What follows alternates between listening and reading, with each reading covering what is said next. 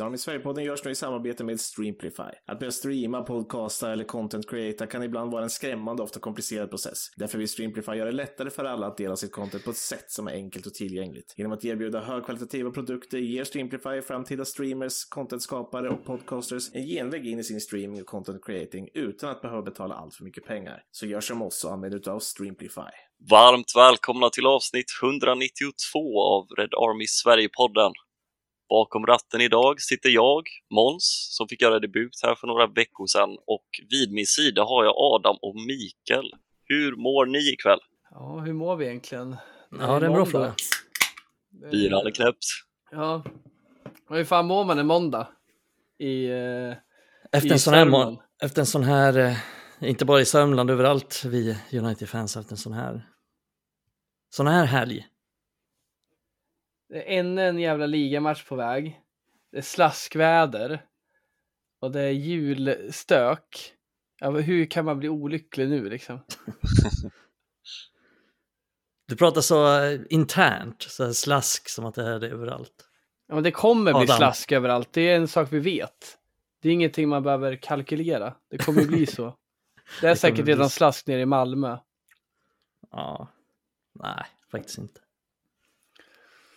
Har ni gjort något kul i helgen förutom att eh, se på den här eh, vedervärdiga matchen vi fick se på i lördagskväll?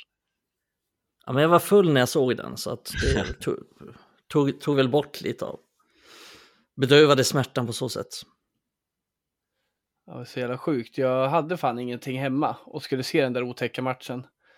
Och eh, fick så här, jag hjälpte en kompis med någon mobil en gång, han hade tappat på någon buss och jag åkte efter bussen och hämtade den i somras. Och då kom han till mig med en gåva, var det jävla Jägermeister, jag hatar ju skiten. Men jag hade inget hemma, skulle se United spela borta mot Newcastle, kommer jag fan inte göra nykter. Och då drack jag jävla Jäger Cola. Man tar vad man har. Det är så här det- överlevnadsinstinkt. Ja men riktigt så här otäckt. Så, liksom, jag brukar aldrig dricka grogg. För jag dricker alltid bärs, men bärsen var slut. Tänkte ta mig en grogg, en uh, gin och tonic, men hade ingen eh, lime eller citron. Så då fick det bli den här jävla Jäger Cola. Och sen har jag ställt undan den, står och lagar mat innan matchen. Och sen ska jag precis gå tillbaka efter jag varit på toa. Då ser jag min dotter precis tar en klunk, för hon trodde det var cola. Råkar ju raka i sig lite av den där. Och jag blir lite så här rädd och lite arg. Bara, Nej, till det kan jag inte dricka. Och hon blev för skiträdd. För hon känner ju i samma ögonblick som jag skriker att det smakar inte cola. och hon har ju alltid så här stått och druckit ur mitt colaglas fast hon inte får. Men nu fick hon sig en känga och det kändes så obekvämt. Fan, hon är fan fem år och druckit sin första grogg. Skulle hon också se på, på matchen eller? Jag skulle, jag tvungen druckit att- innan. Fy fan, vi kan ju inte börja med något äckligare än Jäger också. Så Nej, precis. Det jag kommer att tänka på... få en avsmak resten av livet för den. Jag kommer att tänka på det, alltså hur det måste smaka. Kommer att tänka på så här, jag hade en, en av mina första fyller tog jag mig en snus och det var Göteborgs rapé. Som jag... Bös eller? Nej, det var en påse och eh, jag kräkte som fan av de här Carlsberg, Carlsberg Gold eller vad heter, Black Gold. Och sen eh, kände jag smaken av Göteborgs rapé eh, efter varje rap efter de där kräkningarna.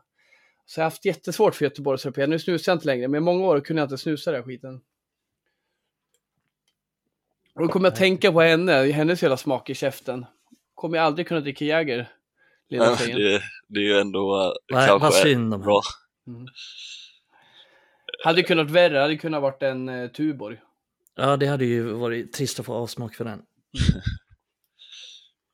Men eh, jag tänker att vi, eh, vi tar vid där det slutade i lördags. Eh, vi fick ju bevittna en eh, 0-1-förlust mot Newcastle på bortaplan. Eh, ganska generösa siffror sett till matchbilden. Eller vad, vad säger ni? Ja, verkligen. Verkligen. Fan, det slår mig varje match vi kollar på numera. Att eh, oavsett om vi vinner eller förlorar, vi, vi borde kunna släppa in fler mål. Alltså, det är sjukt att tänka så, alltså, men det är så. På din fråga där Måns, absolut, vi hade kunnat släppa in tre, fyra mål till. Det är ju, det, det är ju någonting som, eller som, eh, om vi pratar om Onana så här och hans insatser. Så kollar man bara i ligaspelet så har han ju räddat ganska många mål. Eh, och då tänker jag framförallt så här, ja, men matchen mot Everton Eh, innan som vi vann och sen, ja, nu gjorde han ju också några, några bra räddningar och så. Eh, så ja, men egentligen så skulle vi ha förlorat större den här matchen och vi skulle ha släppt in fler mål generellt eh, den här säsongen i Premier League. Vi har släppt in, eller släppt till väldigt, väldigt mycket skott. Det är bara Sheffield United och Luton tror jag som har släppt till fler skott mot mål än United den här säsongen. Så att, eh, att vi bara har släppt in 17 mål eller vad det är, är väldigt bra betalt med tanke på hur dåligt försvarsspel vi har spelat. Och det försvarsspelet var lika dåligt nu mot Newcastle och det blev bara ett mål, eh, vilket vi får glada för, för de hade ju även de över två i XG, liksom Everton hade senast också. Så att vi, vi, ja det känns sjukt att säga det, men vi har fått bra betalt som förlorade den här matchen med 1-0. Fy fan vad sjukt. Fy fan vad sjukt. Du har rätt. Vi får bra betalt för att ha 1-0 borta mot Newcastle. Det är väl kanske det som slår mig mest i den här jävla matchen när vi tittar. Att, att det är så sorgligt att vi kommer hit. Att spela borta mot Newcastle, det är klart det, det är en tuff match, det är inte det. Men vi ska aldrig ha problem. Den här klubben ska inte ha problem att säga borta mot Newcastle. Vi kan säga borta mot City eller borta mot Liverpool. Klart det alltid kommer vara tufft. Det ska alltid vara tufft mot ett toppmotstånd. Men att vi liksom ursäktar med det, nej. Fan vad vi har sänkt oss alltså. Och det är nog det som gör mig mest deprimerad. Att vi åker till sån här match och det har blivit tufft för United. Vi har liksom förlorat tre raka matcher mot Newcastle nu. Men efter vad, finalen. De älskar ju att käka upp oss vad tror du Adam var den största orsaken till att eh, vi blev eh, utspelade? Nej, jag, jag landar i det jag, jag svarar på det i de här eftersnacksinlägg eh, vi hade på Red Army Sverige på Facebook. Att jag tycker det är fundamentalt för den här matchen och många andra att vi är inte tillräckligt aggressiva över 90 minuter. Vi vinner för få dueller. Vi vinner också för få andra bollar och andra bollarna tycker jag ändå vi gjorde lite bättre i början på säsongen. Min känsla i alla fall. Har, ing- har ingen statistik på det. Men sen tycker jag också att vi jobbar för lite på plan jämfört med våra motståndare. Det kanske räcker i många matcher att vi är lite sådär halvloja, att vi inte är så aggressiva. Onekligen kan vi vinna matcherna säsongen. Vi har ju förhållandevis mycket poäng i kontra vår insats på planen. Men jag tycker att ett sånt här lag som Newcastle eller Aston Villa eller kanske även Brighton som inte är de här riktiga topplagen, de kommer vi fortsätta förlora mot så länge det här inte sitter. Det kommer även krävas teknisk insats, taktisk insats mot storlagen för att verkligen ta oss ikapp. Men när inte det här lirar, intensitet, aggressivitet på planen, då, då, kommer vi, då kommer vi ha svårt i de här matcherna. Och det känner jag verkligen nu. Fan. Mm. Jag tycker han, Ma- Miles, eller vad heter på mitten, han ser ju senior Miley. ut för att, ja Miley, för han är ju, han är ju lika aggressiv som sina medspelare enligt den förväntan det har på sitt lag. Och det kan räcka långt, framförallt i den här, vad ska man säga, mediokra inledning på säsongen där väldigt många, tycker jag, underpresterar. Men de, de har ju ett fysiskt lag också. Eh, du nämner ju det med duellerna. United vinner ju bara 37 procent av alla dueller i den här matchen. Och de, Mm. de är ett fysiskt lag över hela planen egentligen. Men vi, vi har inte den välsammansatta truppen, välsammansatta laget som eh, har de egenskaperna, har de styrkorna. Utan vi har ju spelare som kanske tror att de är lite bättre än vad de är och har inte de här, den här arbetskapaciteten som de har. Men se på Gordon till exempel. Vi- Visst, det, det är en ganska bra fotbollsspelare, det är inget mer med det, men han har ju sån enorm eh, fysik och arbetskapacitet. Eh, och så är det ju med alla deras spelare egentligen. Eh, och vi, vi kan ju inte matcha dem på det sättet, så att vi förlorar dels det, eh, dels i den aspekten att vi vinner för få dueller, vi vinner för få andra bollar, eh, så vi hamnar hela tiden efter. Eh, Men sen såklart också eh, taktiskt, alltså hur vi pressar, hur vi ställer upp laget och där är ju mittfältet ett, eh, ett återkommande problem och varför vi har varit dåliga hela säsongen tycker jag. Och det är ju för att eh, Ten Hag fortsätter i samma mönster där, ställer upp laget på samma sätt, tar ut samma spelare. Eh, jag tänker alltid på, på det här citatet som Einstein sa, att definitionen av galenskap är att göra samma sak igen och förvänta sig andra resultat eller någonting sånt. Mm. Eh, och det känns som att Ten Hag jobbar väldigt mycket över det. Han ställer upp mittfältet på exakt samma sätt, ställer upp med ungefär samma lag hela tiden.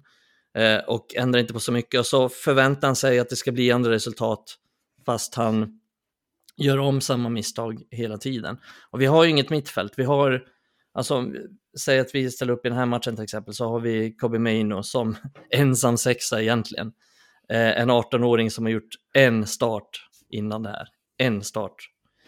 Eh, och sen har han Bruno Fernandes och McTominay som Alltså, visst, de tar några hemjobb så, men de har inget defensivt positionsspel eller någonting sånt som, som gör att de, de kan hjälpa till. Det är bara att se, om vi tar den här matchen mot Galatasaray till exempel, där jag tycker Bruno är väldigt bra, men om vi kollar i defensiven så är det han som orsakar båda de här frisparkarna som leder till mål. Och varför gör han det? Jo, men han tvingas jobba felvänd hemåt. Och, och han har inget positionsspel för att täcka upp det, han hamnar på efterkälken, behöver ta frisparkar. Plus att vi inte har något fritt. Att det är stora ytor. Han, han måste, alltså den här första frisparken som han tar mot Galatasaray, han måste nästan ta den. Eh, så att vi är hela tiden väldigt öppna centralt och det ser man ju också på så antal, antal avslut vi, vi får emot oss i match efter match. Och det är ju nästan, det spelar ingen roll vilka vi möter. Vi Yeah. blir ändå bombarderade med skott av lag som kommer rättvända mot oss. Så att det Han greppar ju efter halmstrå med den här startuppställningen. Och, Ja, och de andra har gjort tidigare med. Det känns inte som han... Det känns, det, alltså han kan ju inte tro på de här startdelarna själv. Det måste ju vara det minst dåliga han, han kan ta fram enligt den relationen han med spelarna. Så säg så här att han ville ha Maguire nu med all rätt eh, från start och han petar varann. Det är inte liksom den spelaren vill ha. Men så att starta McTominay istället för Amrabat, jag köper såklart att han inte vill lägga så mycket energi på Amrabat, han har inte varit grym. Men det har inte McTominay heller varit. Det är så, det känns som att...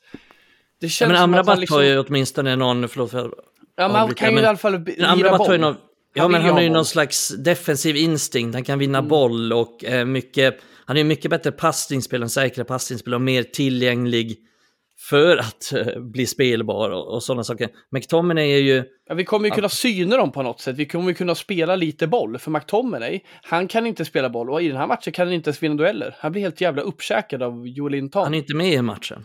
Nej, och det, det stör mig så jävla mycket liksom att, att jag tittar på det här. Aldrig kan det vara så att han vill starta med McTominay. Att han vill Nej. starta med Martial. Att han vill starta med...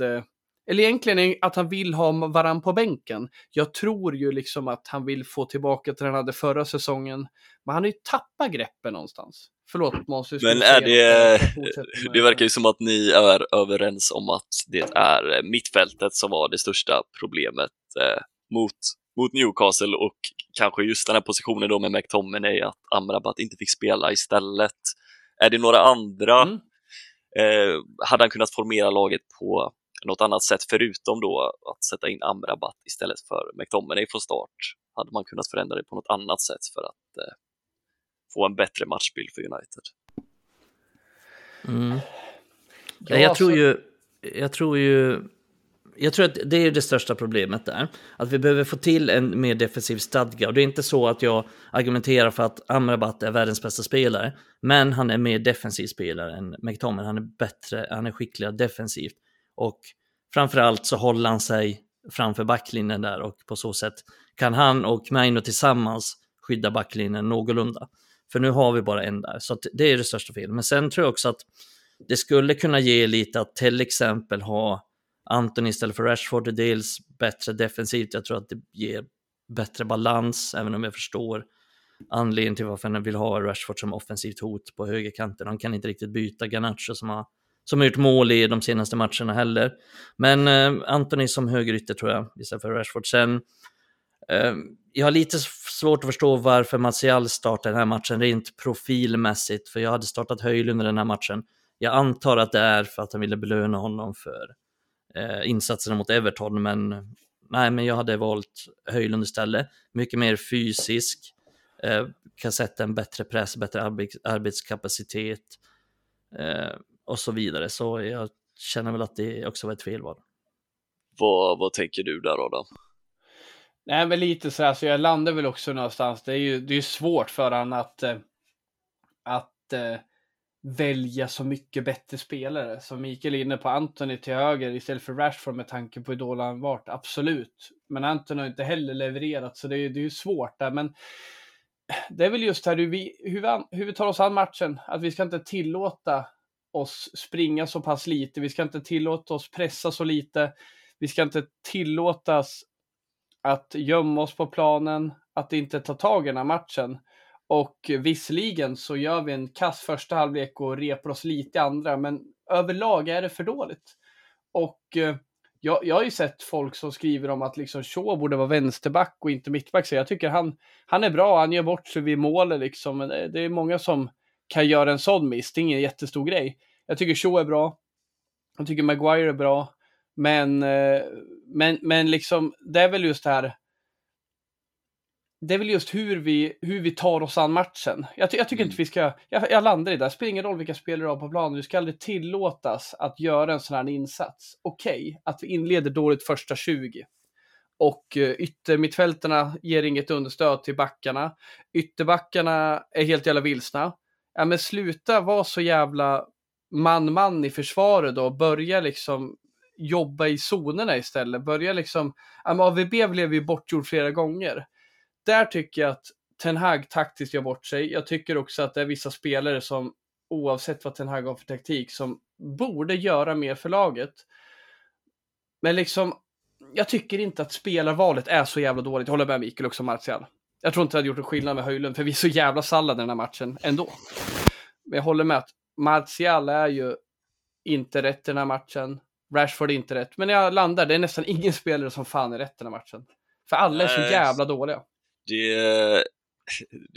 Mittbackarna, det... de får godkänt. Mittbackarna var ju bäst på plan, Luke Shaw och eh, Harry Maguire, men eh, sen pressspelet framåt för United, eh, vi var ju väldigt dåliga i pressen, Rashford och eh, Martial sköter ju inte det jobbet riktigt som Höjlund eller ja, framförallt Höjlund kan göra då och även Anthony skulle jag vilja säga brukar bidra mer i, i pressspelet än vad Rashford gör.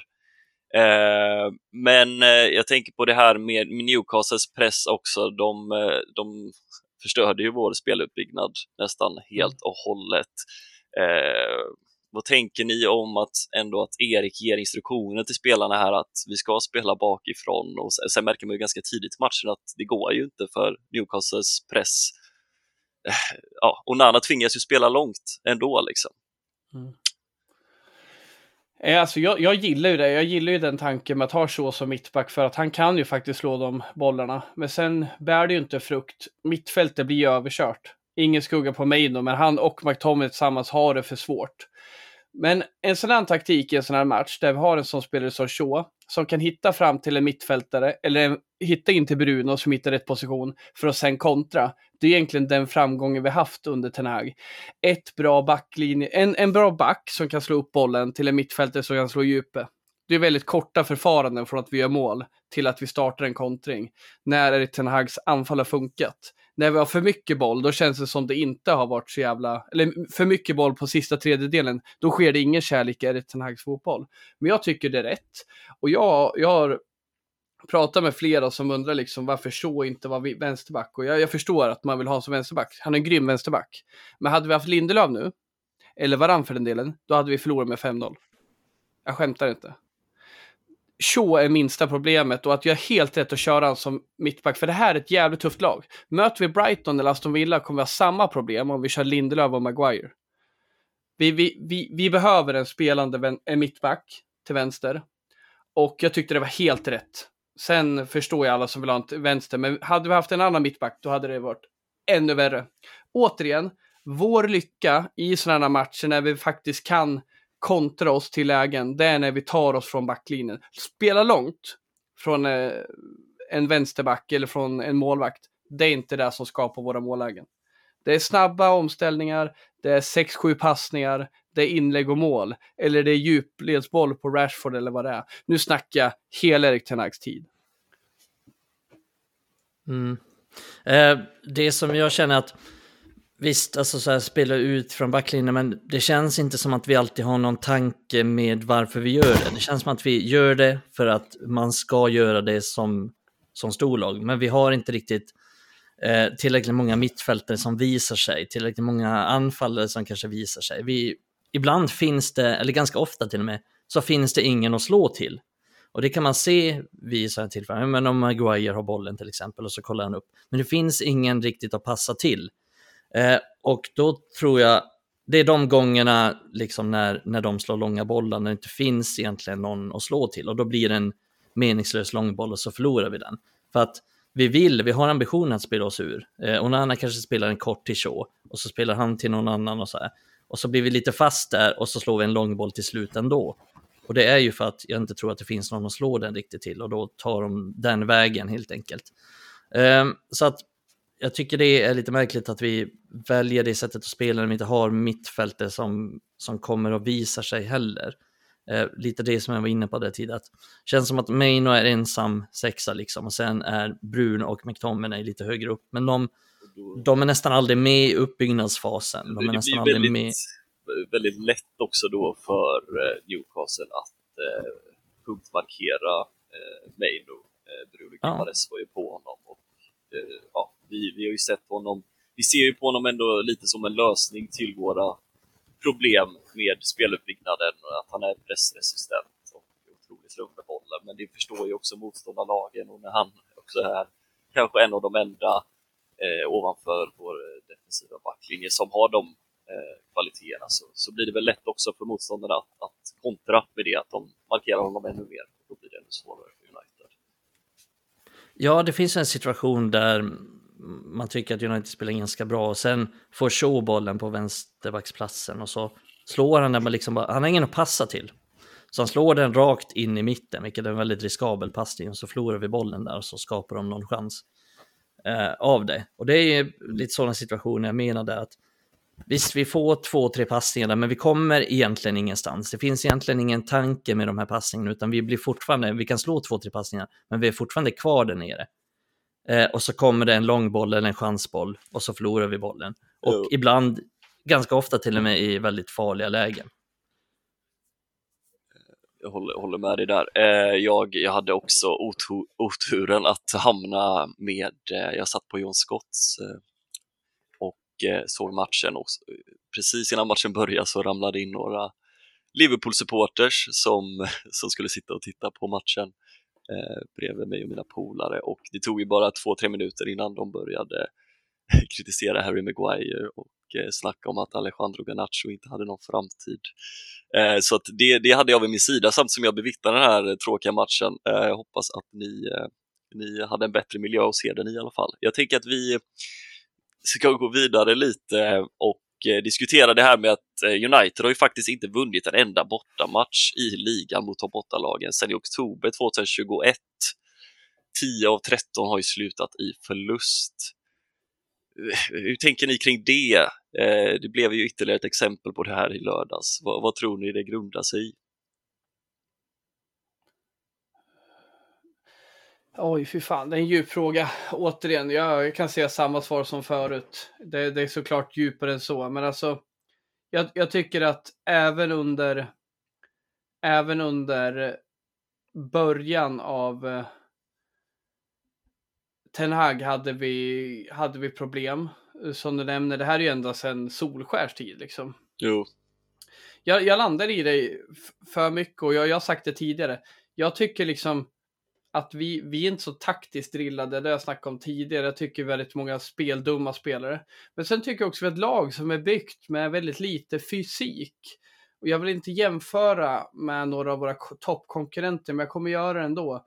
Vi har liksom, ja men till exempel Liverpool i det här fallet. De har byggt om sitt lag.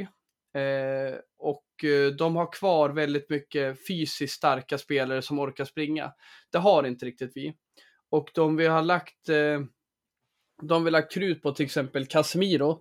Den eh, fysiskt eh, bra spelare på så vis att han kan bryta bollar och så. Men han, och han orkar inte springa längre. Han är inte den spelaren han var för tio år sedan. Och då, då kommer det vara tufft i de här matcherna. Det räcker liksom inte med att ha eh, Bruno som kan springa mycket men som inte är fysiskt stark och sen Rashford som inte vill springa mycket. Och sen har vi liksom Garnacho som är klen. Och sen har vi mittfältare som eh, i, i regel är klena. Eriksen. Casemiro orkar inte springa. Eh, Amrabat verkar vara för klen för den här klubb, klubb, eh, trupp, för den här ligan, eller vad fan, för den här världen kanske. Martial, Lindelöf. Ja, prata Eh, inte och om så dem för vidare. fan, Vi- vi är illamående. Vi är fullt Men med. så mycket svaga spelare. Och, och de är svaga i löpstyrka, de är svaga i dueller. Mm. Och det är inte bara så, så enkelt är det inte. Vi kan vinna matcher. Och vi har till och med vunnit kupper, vi vann mot City i januari. Men det är ju för att vi har väldigt starka kvaliteter. Men när det kommer till omsättningen av matcher som du nämner, det är ända sedan Solskärs tid. Det är väl det jag tycker vi fallerar i mest. För jag tror så här, hade vi bara haft fyra till väldigt fysiskt starka spelare som också sprang jävligt mycket och så gångrar man det med Garnacho, Bruno, Rashford, då tror jag att vi hade vunnit mycket på det. Jag Mm. tror vi hade kunnat haft fysik, gånger, kvalitet, matchvinnare. Håller du med där, eh, Mikael? Adam?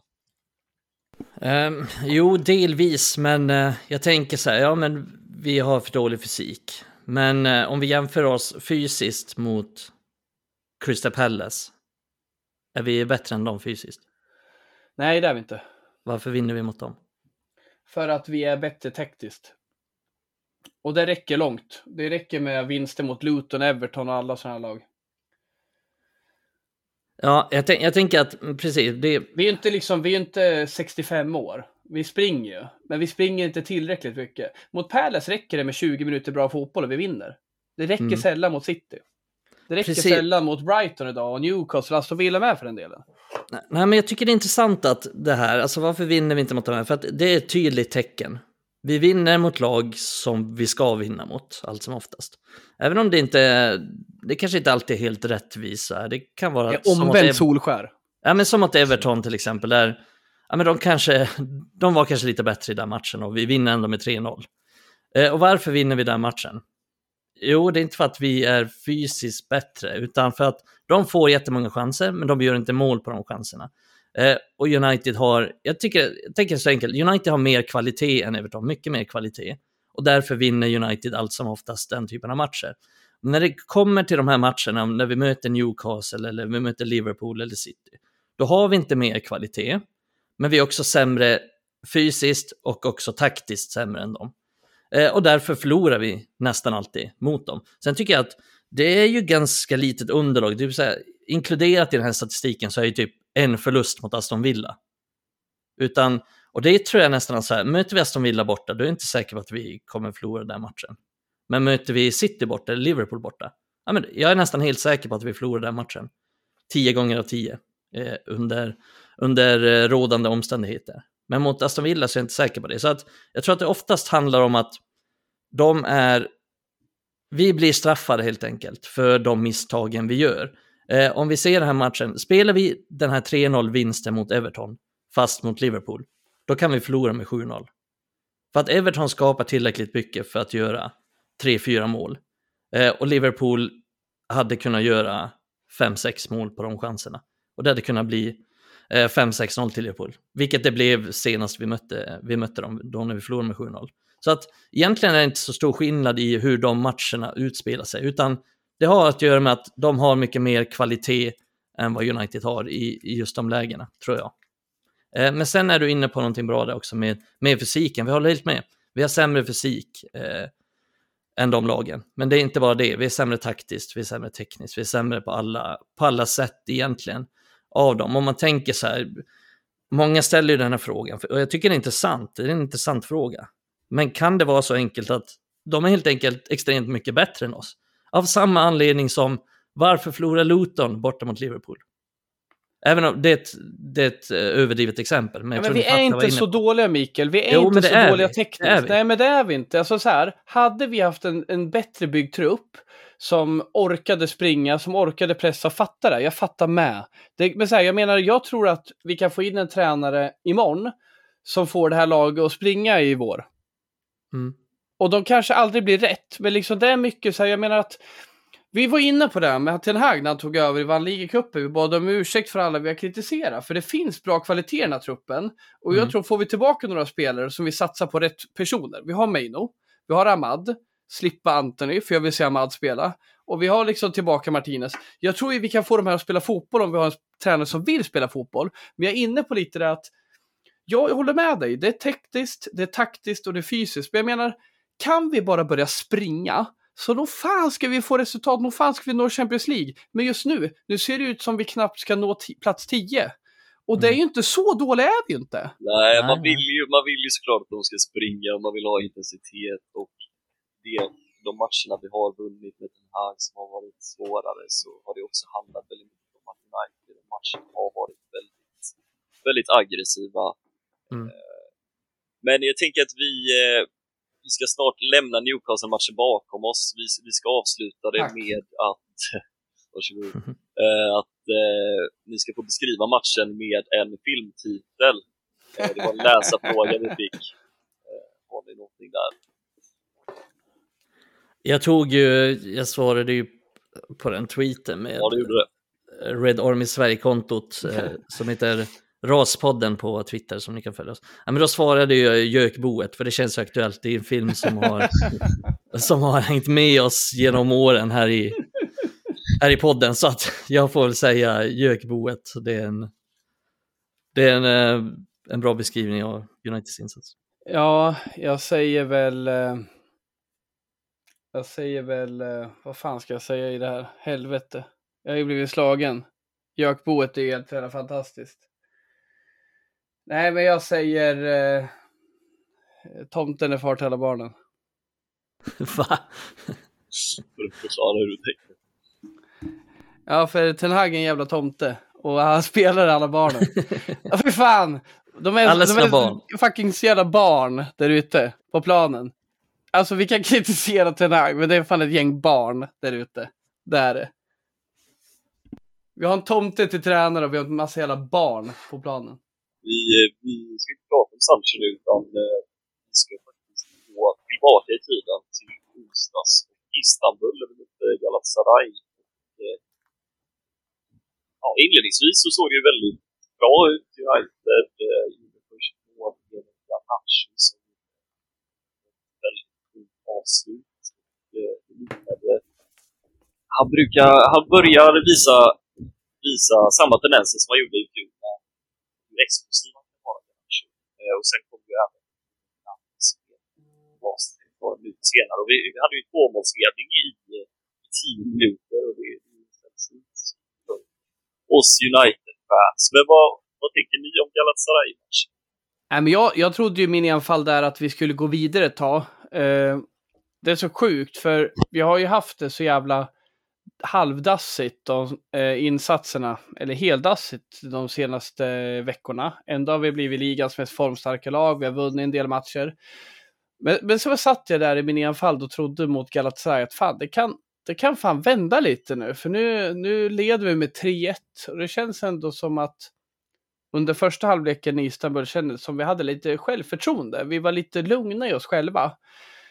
Eh, men det vände ju då. Men, men jag tror väl liksom, det är väl så många matcher, att, eh, att vi, vi, vi, tappar, vi tappar tron på det. Och eh, även om vi inte är så starka fysiskt, vilket vi fortfarande väl tror, så kan vi av vår kvalitet med våra matchvinnare göra mål och leverera resultat ibland. I den här matchen räcker det inte till. Och vi släpper in för många mål som vi gjort hela den här säsongen i olika turneringar, framförallt Champions League. Släpper man in, eller gör man tre mål ska man aldrig kunna förlora en match. Det ska liksom inte vara möjligt. Men den här gången, den här säsongen har vi fan släppt in tre mål vid typ fyra matcher, eller vad är det? Det är helt Ja. barockt, är det. Och inte vunnit. Det är sinnessjukt. Vad, vad tänker du, Mikael, om eh, matchen mot Galatasaray? Ja, jag tänker att den är ganska lik många av våra andra matcher egentligen på många sätt. Att vi släpper till eh, många lägen, vi släpper till många skott, vi håller centralt. Eh, sen det som skiljer den här matchen är ju att Onana gör de här misstagen. Eh, visst, ja, i och för sig det har han gjort mycket i Champions League, men i Premier League har han inte gjort dem. Eh, så att det är väl den största skillnaden. Sen är vi Sen är vi svaga mentalt också när vi väl släpper in mål. Vi sjunker lätt ihop och släpper in ett till. Och sådär. Men, men det är också svårt när målvakten gör de här typen av misstag. Alltså, det blir så jävla avgörande och det kan jag väl känna mycket, att det har hänt mycket i Champions League just, och just i den här matchen också. Att gör man två så stora grova misstag som Onana gjorde, då är det svårt att vinna matcher. Ibland är det inte svårare än så. Det är ju också lite tråkigt. Var det verkligen målvaktstabbare där? Det, Punkt, punkt, punkt. det På tal om eh, Jökboet. Nej, men, men det, Det var men lite det är ju- Fredriksson över Onana. Ni som vet, ni vet. Ja, ni som vet, ni vet. Ställ Tyler Fredriksson i mål. Han Ja. kan man lita, på mer än eh, Onana eller? Ja, men det är... Ja, i den här matchen så fan på riktigt. Det är... Jag hade ju tagit den här. Eh, Det är det sista målet. Nej, men jag har läst lite analyser av hans, absolut. Det är klart man kan hitta anledningar till ditten och datten liksom. Något mål kanske han eh, inte behöver klandras för helt och hållet, men överlag. Han har släppt in för många mål den här säsongen och som är tvivelaktiga och i den här matchen är det faktiskt tre som han ger anledning till att få kritik. Och här behöver han skärpa sig och han sänker oss den matchen totalt. Sen hade inte det spelat någon roll för vi, vi fortsätter släppa in för mycket chanser i varje jävla match. Det är otroligt. Jag tror, jag tror så här, har vi förlikat oss med det? Vi är inte chockade längre. Det är inte så att vi sitter förbannade i halvtid. Och för fan vad mycket mål vi, eller vad mycket chanser vi släpper till. Det är varje match. Det spelar ingen Ja, roll vilka match vi och det- möter. Ja, det är exakt. Det är oberoende vilket, vilket eh, lag vi möter. Det spelar ingen roll om det är Galatasaray, Luton, Everton, eh, Newcastle. Vi släpper till väldigt många chanser oavsett. Det, det, det är så lustigt att två målen ska komma på frisparkar när vi i övrigt får liksom, ja, jag tror det var omkring 20 skott på mål fick vi emot oss. Vi släppte ju till så otroligt många. Och det är just på det ju frisparkarna, det är så då det och så släpper in. När de det är samlade försvar och allting. Eh, och så får man ju déjà vu till, déjà vu till eh, Bayern München på Allianz Arena när Onana också tappade matchen helt och hållet. Eh, hur, hur- tänker ni kring Onana nu eh, framöver, liksom, ef- efter det här han har visat upp i Champions League? De här badrumsinsatserna. Li- Litar ni på honom fortfarande? Att, att, att, eh, ska han stå mot Chelsea och ska han stå mot Bournemouth nu? Eller är det dags att kanske sätta han på bänken och ge Bayern Dir chansen? Ja, så, så här ska jag se krasst på det. Som Ten Hag nyttjar honom nu så spelar det knappast någon roll. Jag vet knappt vad vi får in i Bayern Dir. Jag har ju bara hört om min, eh, en bekant som hejar på Galatasaray att det är en av de sämsta målvakterna han har sett i ligan. Sen tar väl han i lite för han gillar ju inte Fenerbahce. Men liksom vi vet ju för lite om Bayern Dir. Det är som att säga liksom Ja men Adam, nej fan vad dålig jämförelse jag tänkte dra nu. Skitsamma. Jag, jag bara tänker så här, vad har vi att jämföra med? Ingenting. Vi vet ju att Bayern Dir, han är tillräckligt bra för att komma till United onekligen. Men jag, jag kan inte svara på det. Jag, jag tror att det som frustrerar mig, vi har knappt försökt använda Onana på rätt sätt än.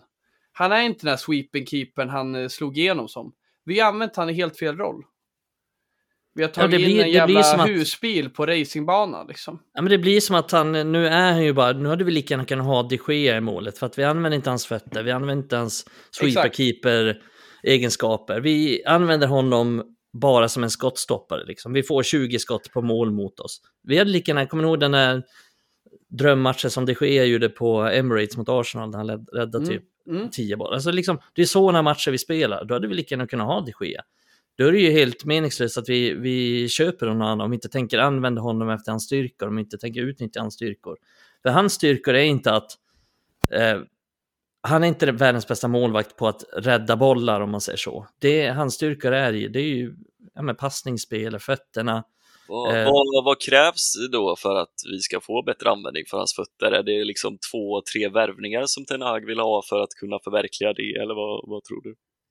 Jag tycker Nej. inte det. Nej, alltså jag, jag tycker att han måste ju Han bestämma måste börja sig. våga spela sin fotboll. Eller den fotboll Ja, han vill han ha. måste bestämma sig oavsett vad han har. Jag tänker på, så här, jag kollade Tottenham mot City nu och Tottenham spelade två ytterbackar som mittbackar och har en massa skador och de har inte bred trupp överhuvudtaget. Men de spelar, de håller sig på sin filosofi och spelar Eh, de använder sin filosofi och spelar efter det oavsett vilka spelare de har.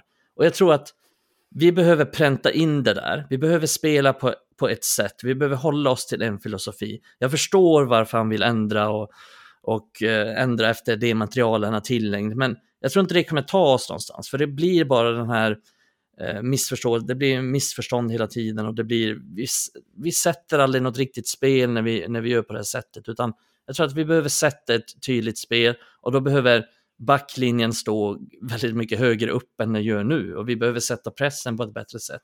Och våra ytterbackar måste följa med i pressen och våra mittfältare behöver följa med. Eh, så att han, han, behöver sätta ett tydligare spel och vi behöver få upp backlinjen, vi behöver få upp laget och också få till ett tajtare lag. För att nu är vi för långt mellan alla lagdelar också. Det känns inte som att vi har någon synk överhuvudtaget i laget. Och om vi släpper det här med Onana, eh, tyckte ni att det fanns eh, positiva saker att ta med sig från, från Istanbul, för, från Uniteds insats? Svar nej direkt. Nej. Ja, nej, men jag tycker att vi, alltså några målen vi gjorde var väldigt bra. Framförallt tänker jag på det här tredje målet som vi gör där vi bygger upp det på ett väldigt bra sätt tycker jag. Eh, så ibland känns det som att vi gör sådana här saker, vi visar att vi har den här kvaliteten, men vi gör det inte konsekvent. Och jag har lite svårt att förstå varför vi inte jobbar på det sättet konsekvent. Men för när vi väl slår de här passningarna inom laget, när vi väl rör oss till nya positioner, så får vi till, kan vi få till väldigt bra anfall och väldigt, alltså vi har ju mycket kvalitet i laget. Så att, det är väl så... det jag tar med mig, liksom att vi, ja. vi gör bra mål. Vad säger du Ada? Ja, det positiva är väl att vi tog oss hem helskinnade. Att vi inte liksom eh, ja, söp ner oss efter matchen. Och, eh, det hade fan varit bra, då hade vi sluppit sett de här killarna. Nej, jag kan inte se något positivt i den här matchen. Det är ära dig Micke, att du tar upp tre mål. Det är fan bra. Men jag såg liksom ingen nytt i det här och jag vet inte om jag kan göra något med det. Alltså, Men eh, nej, jag kan inte se något positivt. Det var bara mörker. Det var bara mörker av att vi återigen släpper in så mycket mål. Och jag, jag kan lägga massa skuld på Nanna, han ska ha skuld. Men det här hade hänt oavsett hur bra Nanna hade varit så hade vi kunnat släppt in tre mål med den här matchen. Det blir så när man släpper till så mycket chanser. Det, det måste ju ha varit en väldigt underhållande match att se från ett eh, neutralt perspektiv, för det var ju bara fram och tillbaka hela matchen och i slutet, det är väldigt lustigt att eh, även om vi gör, är väldigt effektiva i början av matchen och Galacho och Bruno gör sina fantastiska mål och även McTominay så, så har vi ju i sista tio så har vi hur otroligt många chanser att nåla, tvåla dit eh, fyran och femman. Men, men då, då, då gick det inte alls. Nej, det gick inte alls. Det, och där visade det sig också att vi har ju många spelare som kanske inte håller den den nivån heller. Så jag tänker när Pelistri som vi har diskuterat kommer in och han tar ganska många felbeslut eh, när han väl kommer in. Så kul när ni nämnde hans eh, tillslag. Man såg hans dåliga tillslag mot eh, Galatasaray. Ah, fy fan. Fy fan vad dåliga skott han har. Ja, nej, det är helt sjukt. Men, han har ju en fantastisk förmåga att ta sig förbi en spelare. Ja, det har han ju. Men han är ju inget bra på att slå inlägg eller avsluta. Och då är ju inte det värt någonting. det är till och med sämre än Daniel James då markerar ett slut på alla, alla som twittrar om att de alltid vill se Pelistri till höger eller kommer det? Ja, men det... Nytt är alltid bättre. Det kommer alltid komma och det handlar ju också om att ja, men nytt är alltid bättre United. Det, det finns ju alltid något nytt för det gamla är ju dåligt. Och det är också, det här är ju klassiskt för United, jag vet inte om det är för andra lag, men att ju mindre man spelar desto bättre blir man. Så att nu är ju Ahmad på gång att bli en riktig jävla världsstjärna innan, innan han ens har spelat. Och liksom så här, man känner hela tiden att ja, men Martinez byggs upp lite nu. Och, eh, Maino byggdes upp väldigt mycket från folk som egentligen aldrig har sett honom. Eh, så att, nej, men det är lite kul, men det är väl det hopp ger med en ändå. Vi måste ju ha hoppet att det kan komma in spel och göra det bättre. Så det, det är väl lite fint i grunden kan jag tycka, men det är klassiskt United också. att eh, Nytt är alltid bättre och vänta bara tills den kommer tillbaka, då jävlar. Det är en eh, klassiker eh, och eh, jag tänker att vi ska lämna eh, Galatasaray-matchen där. Vi lämnar veckans matcher och eh, vi har ju fått in en hel drös med läsarfrågor som jag tänkte att vi kan ta tag i här och vi kan ju börja med eh, Marcus Rashford. Det var väldigt många som ville att vi skulle diskutera eh, hur han har eh, spelat på sistone och vad som egentligen händer med honom. Och Maurits, Elgato, Filip Sivhed, United Lad och Erlom, de frågade alla om Rashford och är det dags att sälja honom nu? Är han lite för mycket av en lyxlirare som varken kan pressa eller försvara och därmed inte uppfyller Ten Hags sätt att spela? Exemplifierar han den lathet som Uniteds stjärnspelare har en tendens att inneha? Och i så fall, varför är han och flera andra spelare så lata? Vad säger ni om det? Ja, fy fan. Det här är ju en fråga vi kommer tillbaka till varje jävla säsong. Liksom. Ska vi sälja Rashford? Eh, jag vet inte om det är lösningen, men jag vet ju att han har inte levererat. Alltså, han har inte varit bra. Eh, jag tycker att, eh, så här. Eh, ska, jag, ska jag sitta och spekulera kring Rashford så tror jag så här att, och det här är inte bra på lång sikt, men jag har en tes att hans jävla kropp är slut. Alltså Erik Ten Hag säger inte till han att inte jobba. Jag tror han vill att han ska jobba. Men jag tror han fan ber honom att jobba i en annan mån än de andra.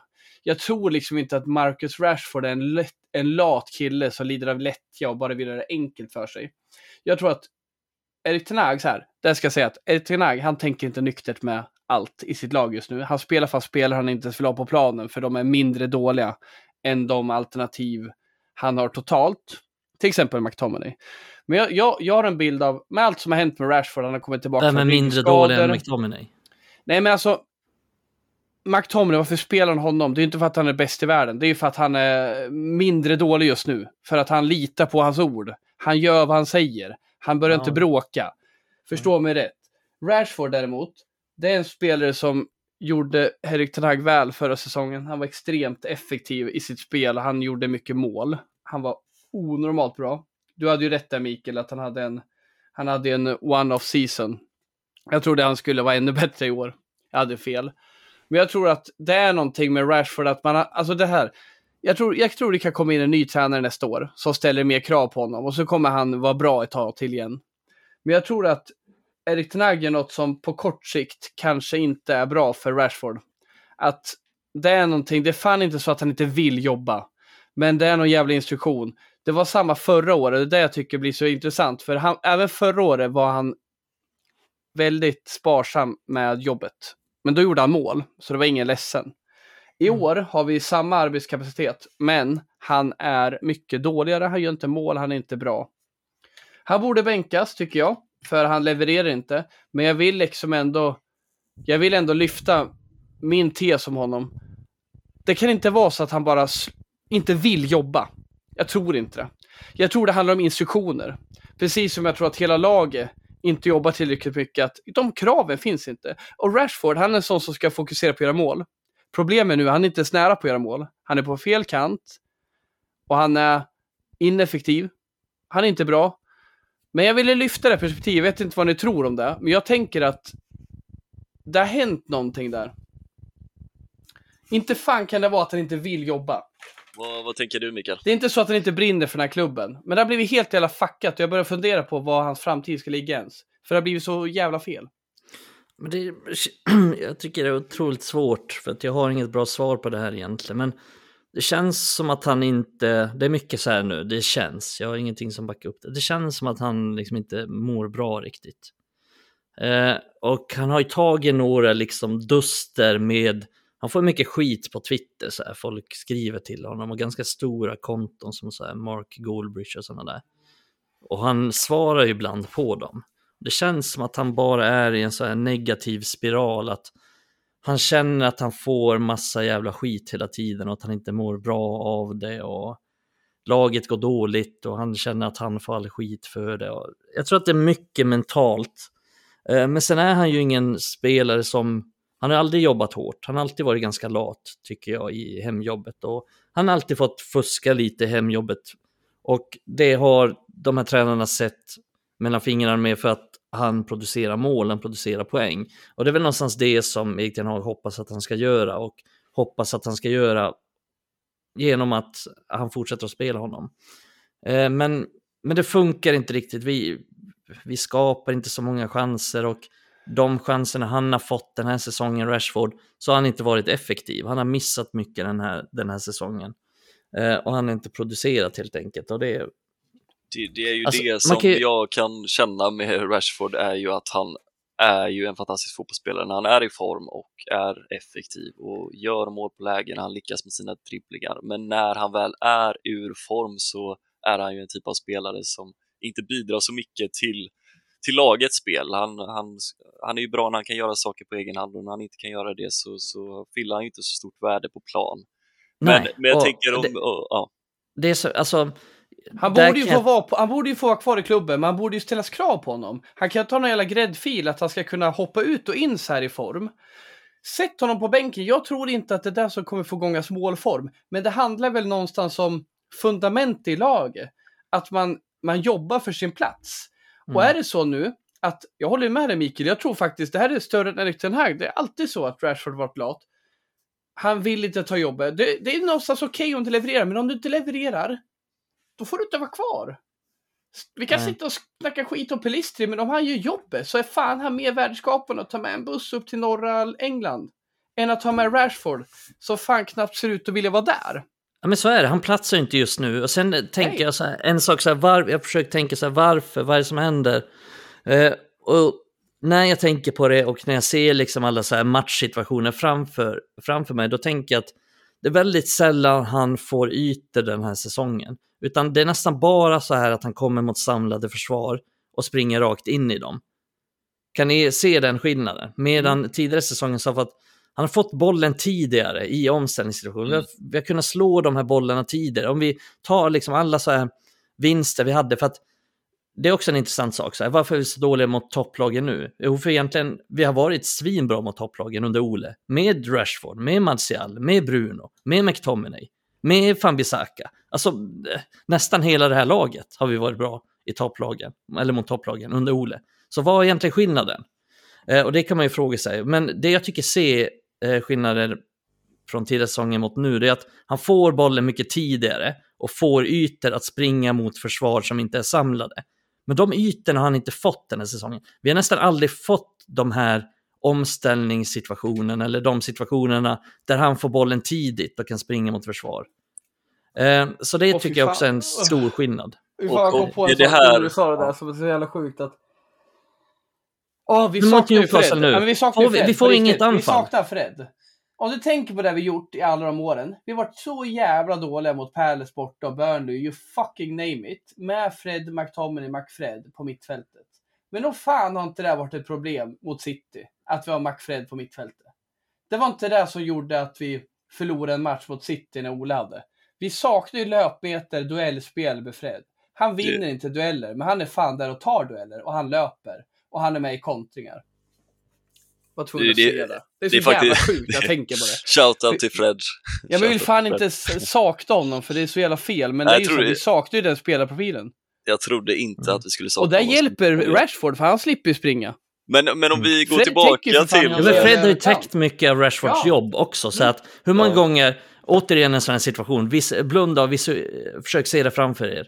Fred springer ut mot vänsterkanten för att Rashford inte tar hem jobbet. Alltså, ni kan se det framför er, hur han tar det här jobbet för Rashford. Det känns inte, nu har vi inte de spel, se hur vi ställer upp laget nu. Ja, vi har ja, Maino, McTominay i någon jävla framskjuten roll och Bruno Fernandes. Det är liksom, det är fri gata. Vi har ingen Fred som täcker upp de där situationerna. Vi har ingen defensiv mittfältare. Vi har ju fortfarande ingen riktig defensiv mittfältare. Jag, jag blundade och jag såg honom framför mig och det var... Det, det Som var en jävla iller där på kanten. Ja, men jag var tvungen att nämna det nu när du sa det Ja. Mikael. Och vad fan vann vi då? Jo, men då hade vi fan tåga.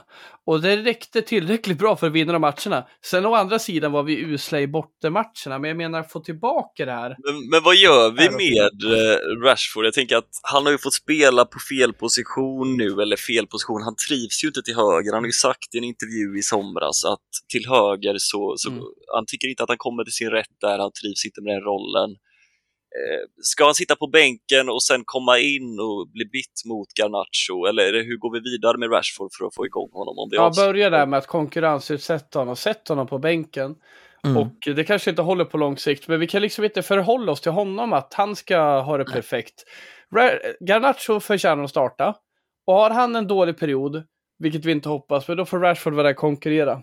Sen till höger hoppas jag att Ahmad kan komma in snart. Anthony, äh, men jag vill inte se honom egentligen, för han har inte varit bra, men han är fan bättre än att ha Rashford till höger.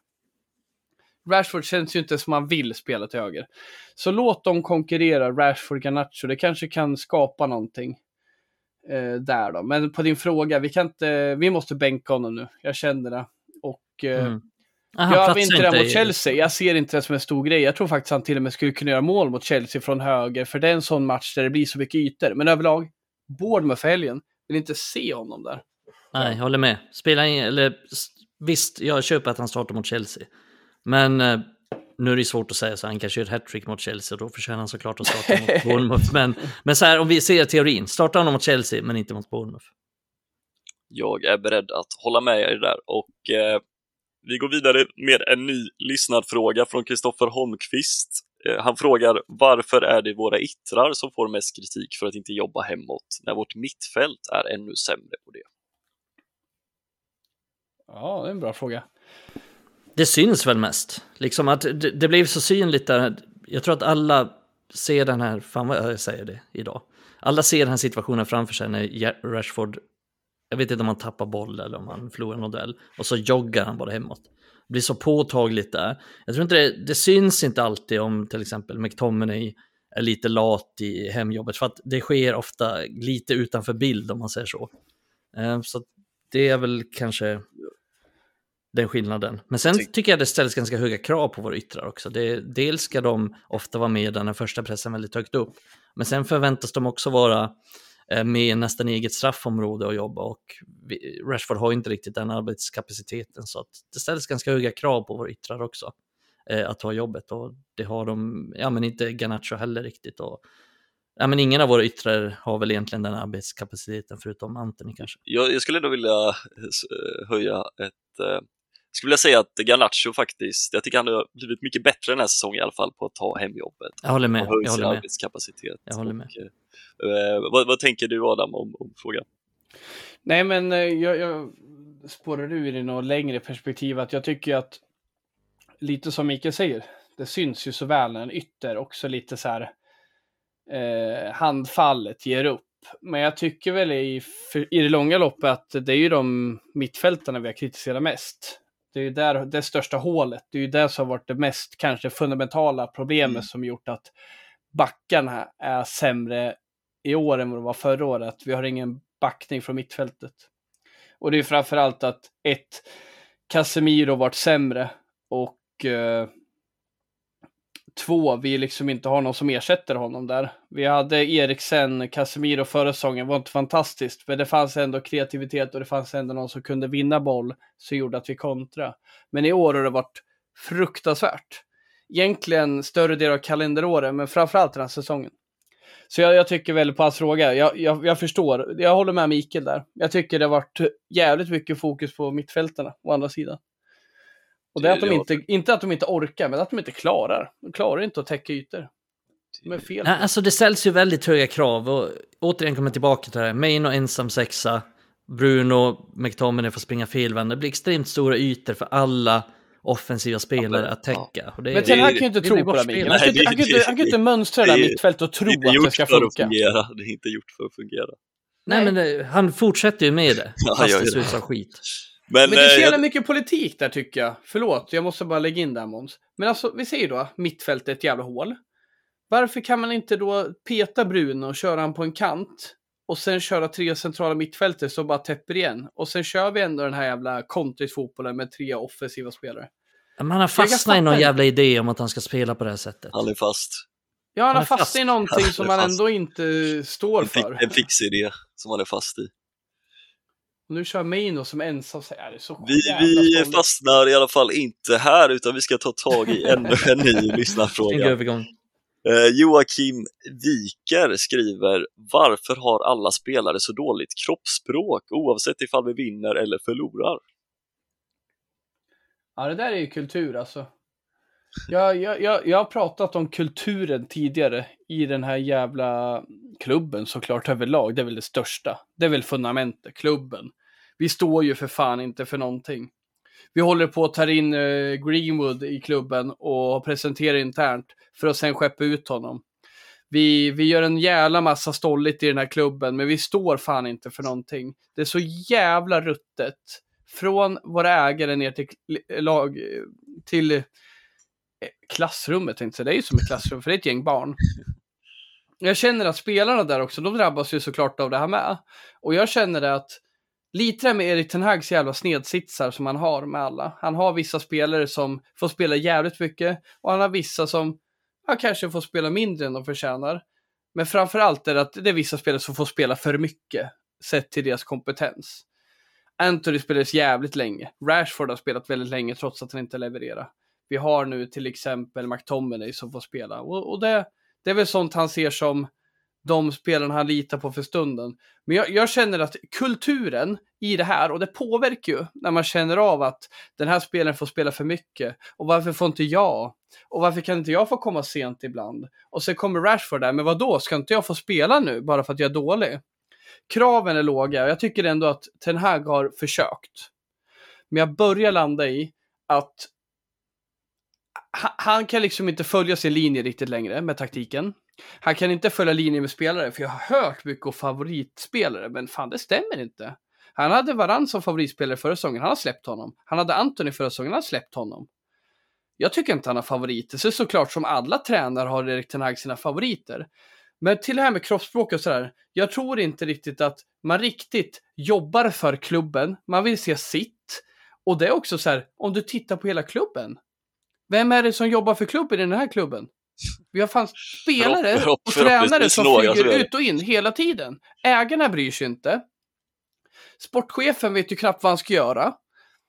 Uh, Darren Fletcher, vad gör, han, vad gör han ens här? Han är en jävla kona ibland på träningen. Det är så jävla mycket som är sjukt i den här klubben kulturellt. Och det här låter som ett jävla raljerande, men det är ju där vi landar. Hur fan ska spelarna veta vad de ska göra? Hur ska tränaren ens få vägledning när klubben är så jävla fuckad? Och det här låter jävligt pajigt, men jag bara landar i när jag bara sitter och pratar om det. Att det handlar ju inte bara om spelarna. Spelarna har skitdålig attityd och de får fortsätta ha det. Jag tycker Rashford och Bruno kan ha dålig attityd och tycker de alltid kommer få fortsätta ha det. Det är lite som att spelarna äger situationen. Jag tycker att Erik Ten försöker, men han går, en, han går en död till mötes. För återigen släcker vi en tränare. Vi har massa supportrar nu som går emot Ten och det det förstår jag att man gör, för han har varit för jävla dålig. Men vi ska ju ha med oss att det är många tidigare tränare som också har blivit släkta av supportrar, blivit släkta av spelare. Vad, vad, säger, vad säger du Mikael om, om kroppsspråket? Ja, jag tycker, alltså det är så många bra frågor här som jag känner att det är så jävla svårt att ge ett svar på för att det är så jävla komplext. Typ så här, om vi pratar kroppsspråk, alla gillar ju att ta upp Martial, men då har ju Martial sagt i en intervju, ja men det är bara så jag är liksom som människa, jag har det här kroppsspråket alltid. Och då tycker jag att det, då tycker jag det är lite, vem är jag att sitta och säga hur han ska, hur han ska vara som person, hur han ska ha sitt kroppsspråk. Eh, det tycker jag känns lite, jag vet, jag vet inte, jag har inte så mycket att säga om det. Nej. Men eh, Adam har en bra raljerande monolog här så jag, jag köper det. Jag köper också det. Och eh, alldeles strax så ska vi faktiskt lämna de här frågorna kring kroppsspråket och Rashford och gå vidare till eh, frågor som rör McTominay som vi har fått av er härliga lyssnare. Eh, först ja, fy fan måste jag säga vilka jävla frågor vi får. Helt otroligt rekord måste det vara i tusen frågor.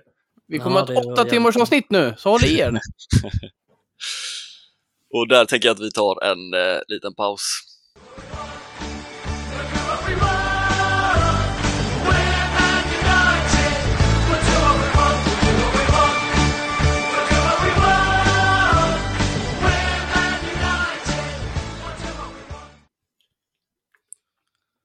Då ska vi gå vidare med lite frågor som rör McTominay och eh, Tobias Jonsson frågar hur kan man slå så få passningar som skotten gör över en hel match?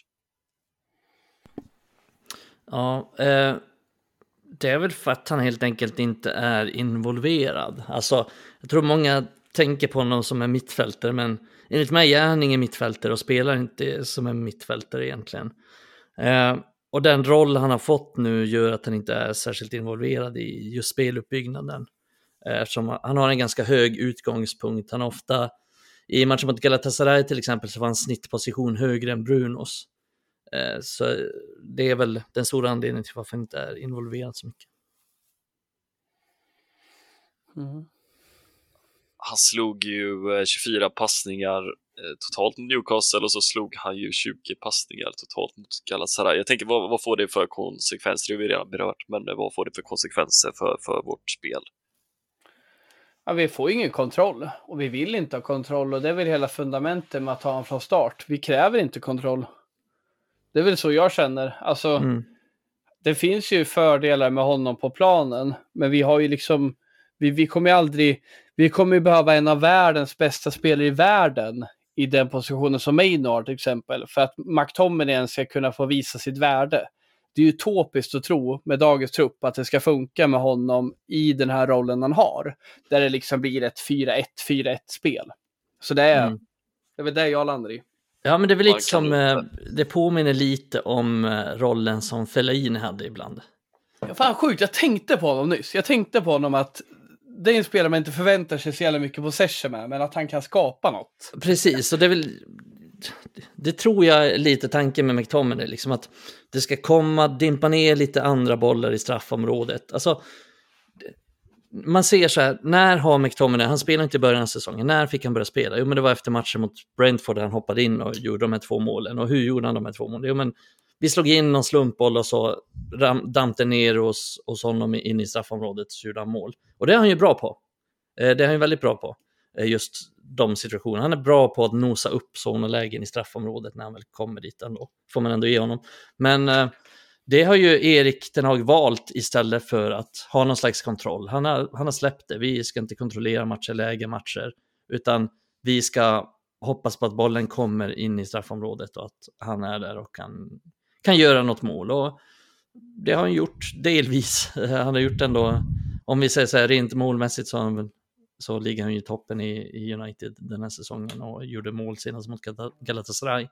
Men det gör också att vi, vi tappar mycket kvalitet och vi tappar ju en extra man tycker jag på, på mittfältet rent spelmässigt. Och i just sådana här matcher mot Newcastle, alltså vi har ju inte så himla många anfall i, i den här matchen så, så tappar vi extremt mycket spelmässigt och, och det, jag ska inte säga att det är den eh, enskilt största anledningen till att vi är chanslösa den här matchen, men det hjälper ju inte heller. Och det, det, det, ja. det gör det ju verkligen inte. Jag tänker, eh, vi har ju fått frågor också från framtidsvisionären och Elgato om, eh, om vi kanske ska sätta in Hannibal Mechbri istället för McTominay på mitten och om inte det skulle göra uppbyggnadsspelet bättre utan att defensiven försämras gentemot nu. Det, det beror på, alltså. Det, nu är det så mycket sådana här frågor, så ska vi byta ut spela A mot spela B. Men det handlar också om var på planen är de? Hur används de? McTominay används ju på ett sätt. Om vi, vi går tillbaka till de här vi snackade om när vi vann mot City på bortaplan. Ja, men då spelade McTominay också, men han hade en annan position. Och han var inte, visst han var inte så involverad i spelet då heller, inte passningsmässigt. Men han gjorde mycket större nytta eftersom han var längre ner i planen och eh, och kunde vinna dueller där istället. Så här, men nu har han en helt annan roll och sen ska Hannibal komma in, ja men det beror helt på vilken roll han får. Eh, för jag tror att jag sa det, om det var i förra avsnittet, att med, med honom så, så han kan göra många olika saker. Nu har ju han använts lite i den nästa McTominay-rollen som McTominay har. Eller han spelar mycket tia och lite på kanten och så här. Och varit som ett yrväder som ska sätta en hög press och vinna boll där uppe. Men han kan ju också spela längre ner i planen och bidrar med sitt passningsspel på så sätt. Sen är han ju lite otestad på den högsta nivån att göra just det, men eh, om vi ser till vilka egenskaper han har som spelare och hur han har spelat i ungdomslag och Birmingham och så här, så, så har han kapaciteten att kunna eh, ta bollen utanför eget straffområde och driva upp den, men också att eh, spela sig ur pressade situationer. Så det beror lite på hur han tänkt att användas. Och jag förespråkar ju, som jag var inne tidigare med Amrabat, att vi behöver få två stycken spelare som är mer defensiva, eller som har mer defensiva positioner. Sen kanske inte de behöver vara världens bästa defensiva spelare, men de behöver vara där för att skydda vår backlinje. Eh, för nu har vi för dåligt skydd. Så att ska Hannibal spela, ja men då ska han kanske spela lite längre ner. För annars tror jag inte att det gör en så stor skillnad. Sätter vi honom, byter vi bara ut honom mot McTominay i den här matchen, de har exakt samma roll, exakt samma taktiska upplägg, ja men då spelar det ingen roll. Tycker du eh, förklarar det väldigt bra där. Vi har ju fått en annan liknande fråga från Andreas Ljung, men han frågar om det kanske inte är dags att ge Donny van de Beek förtroendet framför McTominay istället, eftersom att han är så bra på kortpassningar. Alltså, jag tror inte Är att han Van de Beek har någon, i- Jag tror inte han har någon framtid så, men alltså, han? återigen, beror på hur vi vill Lever spela. För två år sedan hade jag hållit med, för jag tycker att han kan ju fylla båda rollerna. Han kan ju både fylla den här gubben i lådan-rollen som McTominay förväntas vara i Erik Ten Hag-spel idag, som man förstår det som. Men han kan även komma ner och vara lite mer involverad. Men jag håller ju med Mikael, jag vill inte se han nära startelvan. Liksom. Jag Och vill då tappar vi framåt. fysiken också. Ja, och jag är livrädd för att han ska göra tre matcher och bra och så kommer några supportrar nu och tycker vi ska behålla honom. Jag vill fan att vi tittar framåt. Spelare som Martial och van de Beek och alla andra som inte har någon framtid, väck med dem liksom. Illa kvickt. Jag vill inte se dem för jag vet hur det blir. För det krävs inte mycket nu för att van de Beek ska vara bra och vi ska tro att han kan bli något. Vi är ju där. Det är ju ingen som är bra. Så om någon är bra så är ju det mycket bättre än det som inte är bra. Men det är en bra poäng, det är en riktigt bra poäng. För han skulle faktiskt kunna funka i den här rollen bättre än eh, McTominay. Men låt oss titta framåt liksom. Ja, han skulle ju åtminstone hjälpa till med Ja, det är eh, passningsspelet. tanke. Det är det verkligen. Eh, med, med det sagt så lämnar vi eh, frågorna kring McTominay bakom oss och går över till frågor som rör eh, taktiken lite mer. Och där har Pontus Cantona 7 frågat vad som egentligen är tanken med mittfältet och då nämner han specifikt det här med att det är en spelare som själv verkar ha eh, uppdraget att täcka alla ytor och att rörelsen utan boll är obefintlig. Vad, vad är planen med mittfältet och taktiken? Ja, det är en eh, bra fråga. Eh, väldigt intressant också. Jag tror tanken är att vi ska kunna vinna bollen högt upp genom en aggressiv press och på så sätt skapa chanser. Alltså att själva grunden i chansskapandet är de här bollerövringarna som vi gör högre upp, snarare än att vi ska spela igenom från målvakt och framåt. Och därför tror jag också att han tog in Mount. Eh, därför vill han värva Mount, för att sätta en mer aggressiv första press som, som orkar sätta den, den pressen men ändå har lite kvalitet i fötterna för att, eh, för att kunna göra det bättre. Så att jag ser Mount nästan som en ersättare för typ Eriksen och även lite Fred, att han ska kunna göra Freds jobb fast med lite mer kvalitet i sista bollen. Men han har varit skadad mycket och sen är ju mittfältet överlag eh, lite för ihålligt. Vi, vi har för offensiv balans på mittfältet, men det är så jag tror att tanken är med det. Eh, så har vi också en fråga från Erik Beiner som frågar eh, varför envisas vi med att spela ut bollen kort när vi saknar materialet för att lösa det? Vi blir ju alltid av med bollen och motståndarna sätter ju press mot vårt mål gång efter gång. Ja, jag, jag, jag, blickar väl tillbaka till det jag sa förut. Det är då vi faktiskt... Eller jag tror så här, jag tror att han vill att vi ska...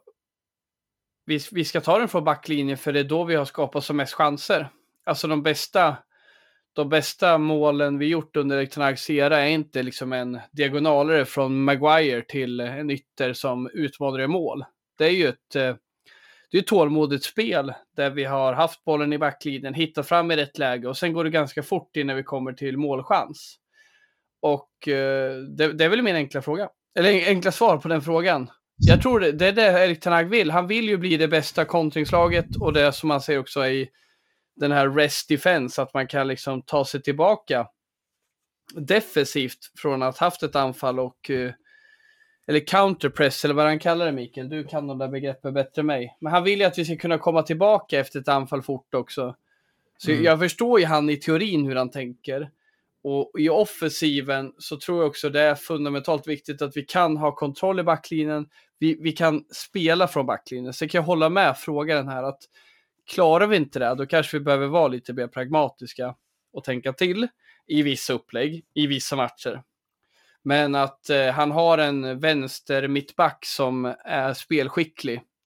Eller en höger mittback med för den delen, men att han liksom inte spelar varann. Det är ju för att, jag pratade med min pappa om det nyss, att jag kan ju hålla med honom att varann skulle ju kunna stadga vårt försvar. om han är med. Men han kommer ju inte göra att vi är bättre mot Newcastle, för han kommer göra att det kommer ännu mer hempass i pressade läge mot någon annan och vi kommer ha ännu svårare att hålla nollan faktiskt.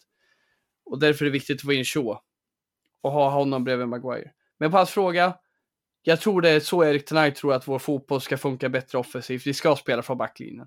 Och jag tror faktiskt också att det är det som är nyckeln. Att börja slå längre bollar i ett lag som inte vinner dueller finns inte chans. Vi har sett det Monana nu, han är jättesvårt att slå långbollar. Det är ju inte att alla bollar är dåliga, vi, vi klarar inte att vinna dueller. Vi har ingen som vinner dueller och det är knappt Höjlund gör det längre. Nej, vi har onekligen varit svaga på det.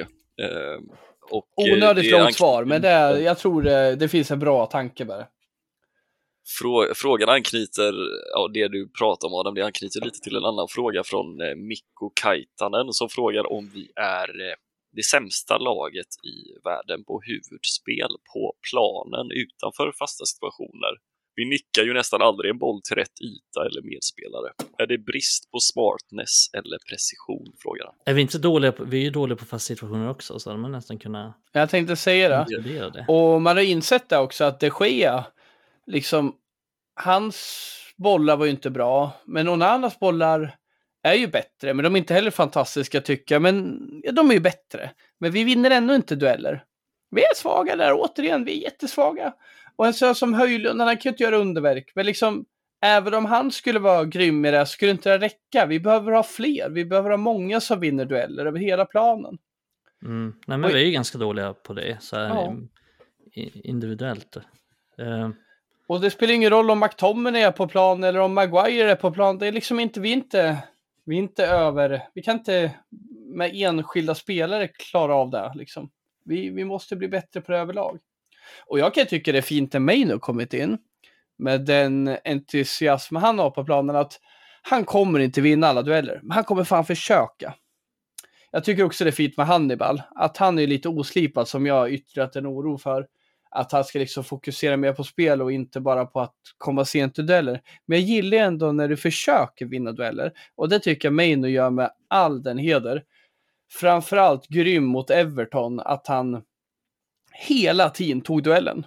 Och det gjorde inte att han vann den, men det gjorde att han hela tiden störde. Och det är vackert. Det är ju fan precis det man förväntar sig. Det var det jag tyckte var fint med Anthony förra säsongen. Att han tog hela tiden duellen, tog hela tiden jobbet.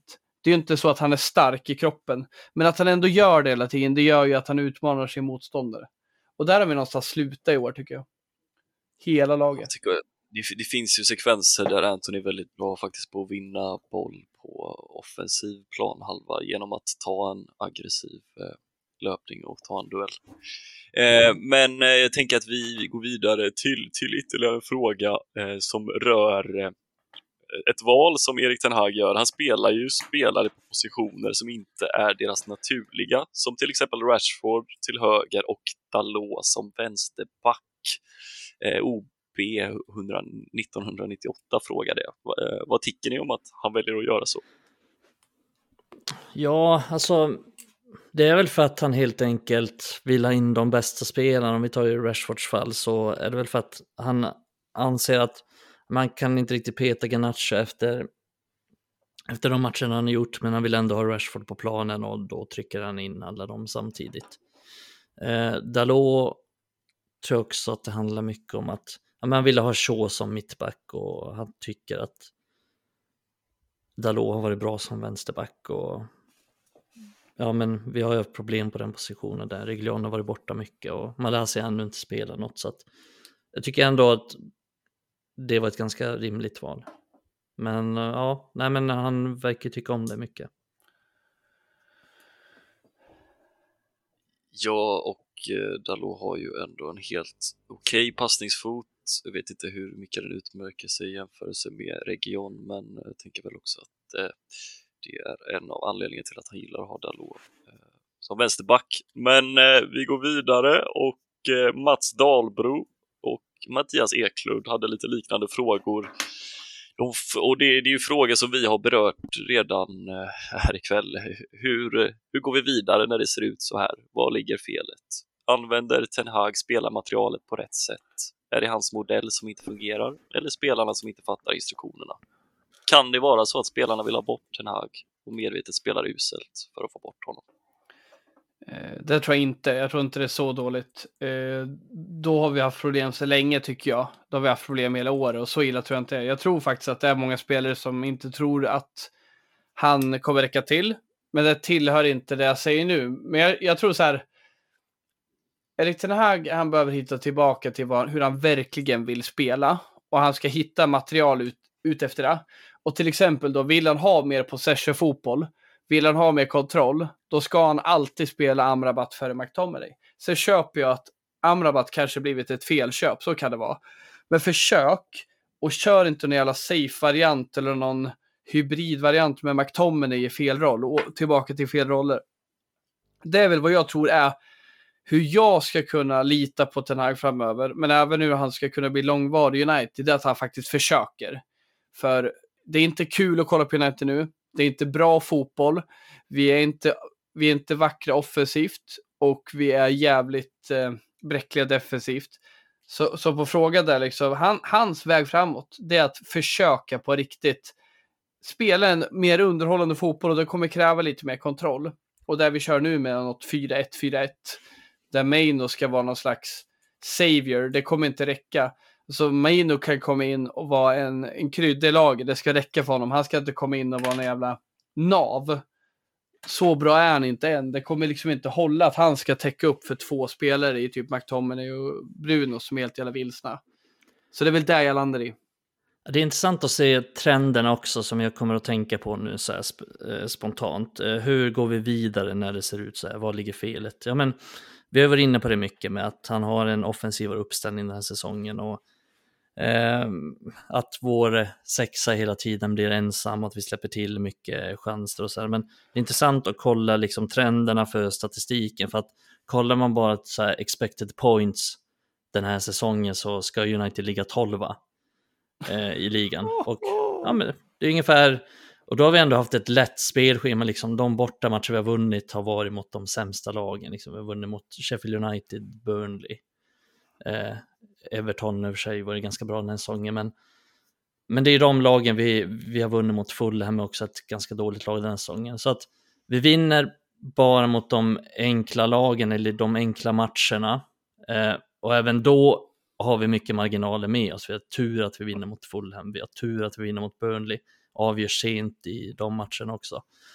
Eh, så, så vår trend är inte alls bra och vi släpper till mycket chanser och vår här, expected goals against är liksom att vi ska, enligt trenden så ska vi ha släppt in åtta mål till än vi har släppt in hittills den här säsongen. Och Bara? Visst, vi, vi har missat några målchanser, vi är inte så effektiva framåt, så här, men överlag så ligger United sjua, men vi har tur som ligger sjua. Så att det är snarare så att vi är på väg neråt än att vi är på väg uppåt. Och det är extremt oroväckande och därför behöver det komma en förändring. För att fortsätter i den här stilen så blir United knappt topp 10.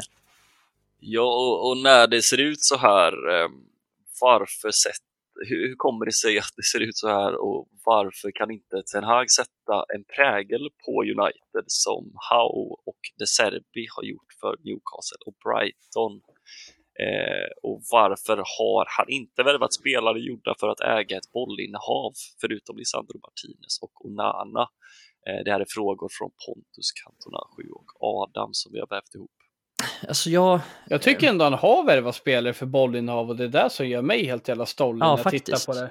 Alltså Amrabat och Mount som man inte har nämnt här, de är ju för bollinnehav. De ska ju passa ett sånt spel. Och Anthony också.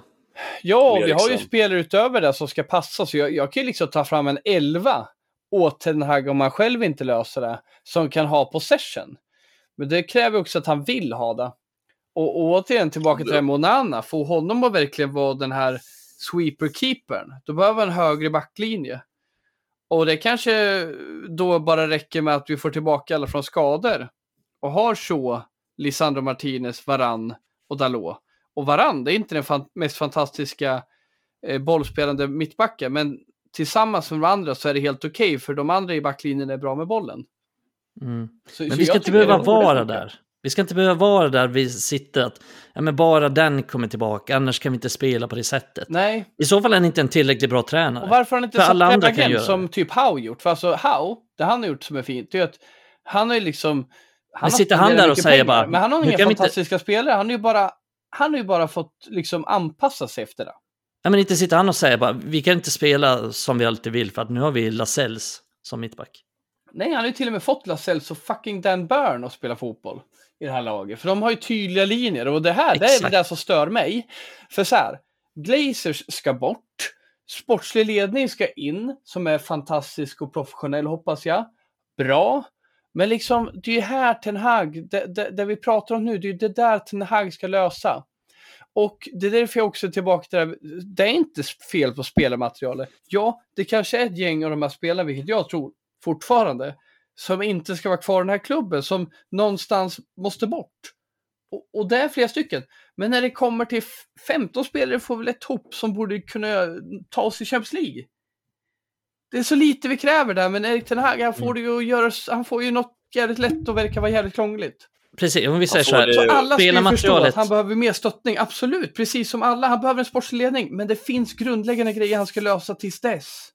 Mm. Det finns tillräckligt bra spelare för att vara mycket bättre eh, än United är nu. Sen finns det brister i spelarmaterialet. Ja, det, det finns det och det, truppen är inte så bra sammansatt. Men det går att göra det mycket bättre och där är jag ju besviken på Ten för att jag tycker att och det trodde jag när han kom in att han skulle sätta faktiskt. Jag trodde att han skulle ha en tydlig filosofi. Att han skulle spela på ett tydligt sätt och att han inte skulle rucka på de principerna. Fan vad han lurar oss där. Ja, men det, det har han gjort. Och han säger ju i intervjuer, men varför spelar du inte på samma sätt som du gjorde i Ajax? Och då säger han, ja men för att jag inte har spelarna som jag hade i Ajax. Fuck off. Och det, det irriterar mig för att jag tycker att, och jag tror också att faktiskt så här, varför anställde United en Hag? Jo, men för att United ska kunna spela som, som hans Ajax gjorde. Det är det vi ville ha, det är därför vi anställde honom. Ja, och han ju Eh. för fan värvat halva Ajax.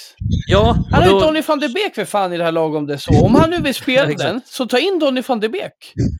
Men Ja, men där är det gör det, men han säger ju bara det. skitsnack. Så jävla less jag blir på de här ursäkterna som har kommit hela jävla hösten. Ja, och jag skiter alltså, helt ärligt. Jag skiter i om United blir 12 bara vi har en tydlig filosofi och spelar på ett tydligt sätt. Om, om vi tar liksom, säg att vi får De Serbi i truppen. Eh, och så leder han det här laget och så spelar han på, på det sättet som, som Brighton gör nu. Och så blir United 10. Jag skiter i det. Bara vi spelar på det sättet. Bara han ger oss någonting att tro på. Bara vi, bara han kommer in med någonting som får oss att tro att ja, men det här kan bli någonting. Det här, det här går framåt. Även om vi förlorar de här matcherna så går det här framåt. Vi, har, vi skapar chanser och vi har mycket bollinnehav och vi dominerar matcher men vi kanske förlorar här och där och vi förlorar en del där. Men nu, det, det är ingenting som tyder på att vi kommer bli bättre, på att vi kommer nå någonstans med det här spelet vi har. Han, det, han är ju bara inne och släcker bränder hela tiden. Och vi kommer ingenstans med det här. Vi, vi är närmare att bli tio än vi är att bli fyra den här säsongen. Och så kommer det se ut om man inte ändrar på någonting. Om han inte gör någonting. Om man inte bara bestämmer sig för att nu ska vi spela på det här sättet, nu ska vi jobba efter det eller bla bla bla. Eh, idag kom det så här nya rykten, de, de här klassiska United-rykten om att ja, men nu har spelarna börjat tröttna. Och, och jag, jag vet inte hur mycket man ska ta dem på allvar, så här, men det kom en Ja, men det är intressant klart det sak där. stämmer, det vet Jo men, det kom en, jo, men alla saker stämmer säkert, men det kommer en intressant sak där. Och det är att spelarna fattar inte varför de ska göra vissa saker. De, och det är det jag var inne på, för jag läste det här nyss bara. Eh, för det var det jag var inne på lite tidigare och på en av lyssnarfrågorna där. Men i speluppbyggnaden, varför gör United sådär? Och då kommer vi fram till att ja, men, de spelar kort där, men det känns inte riktigt som att de vet varför de spelar kort.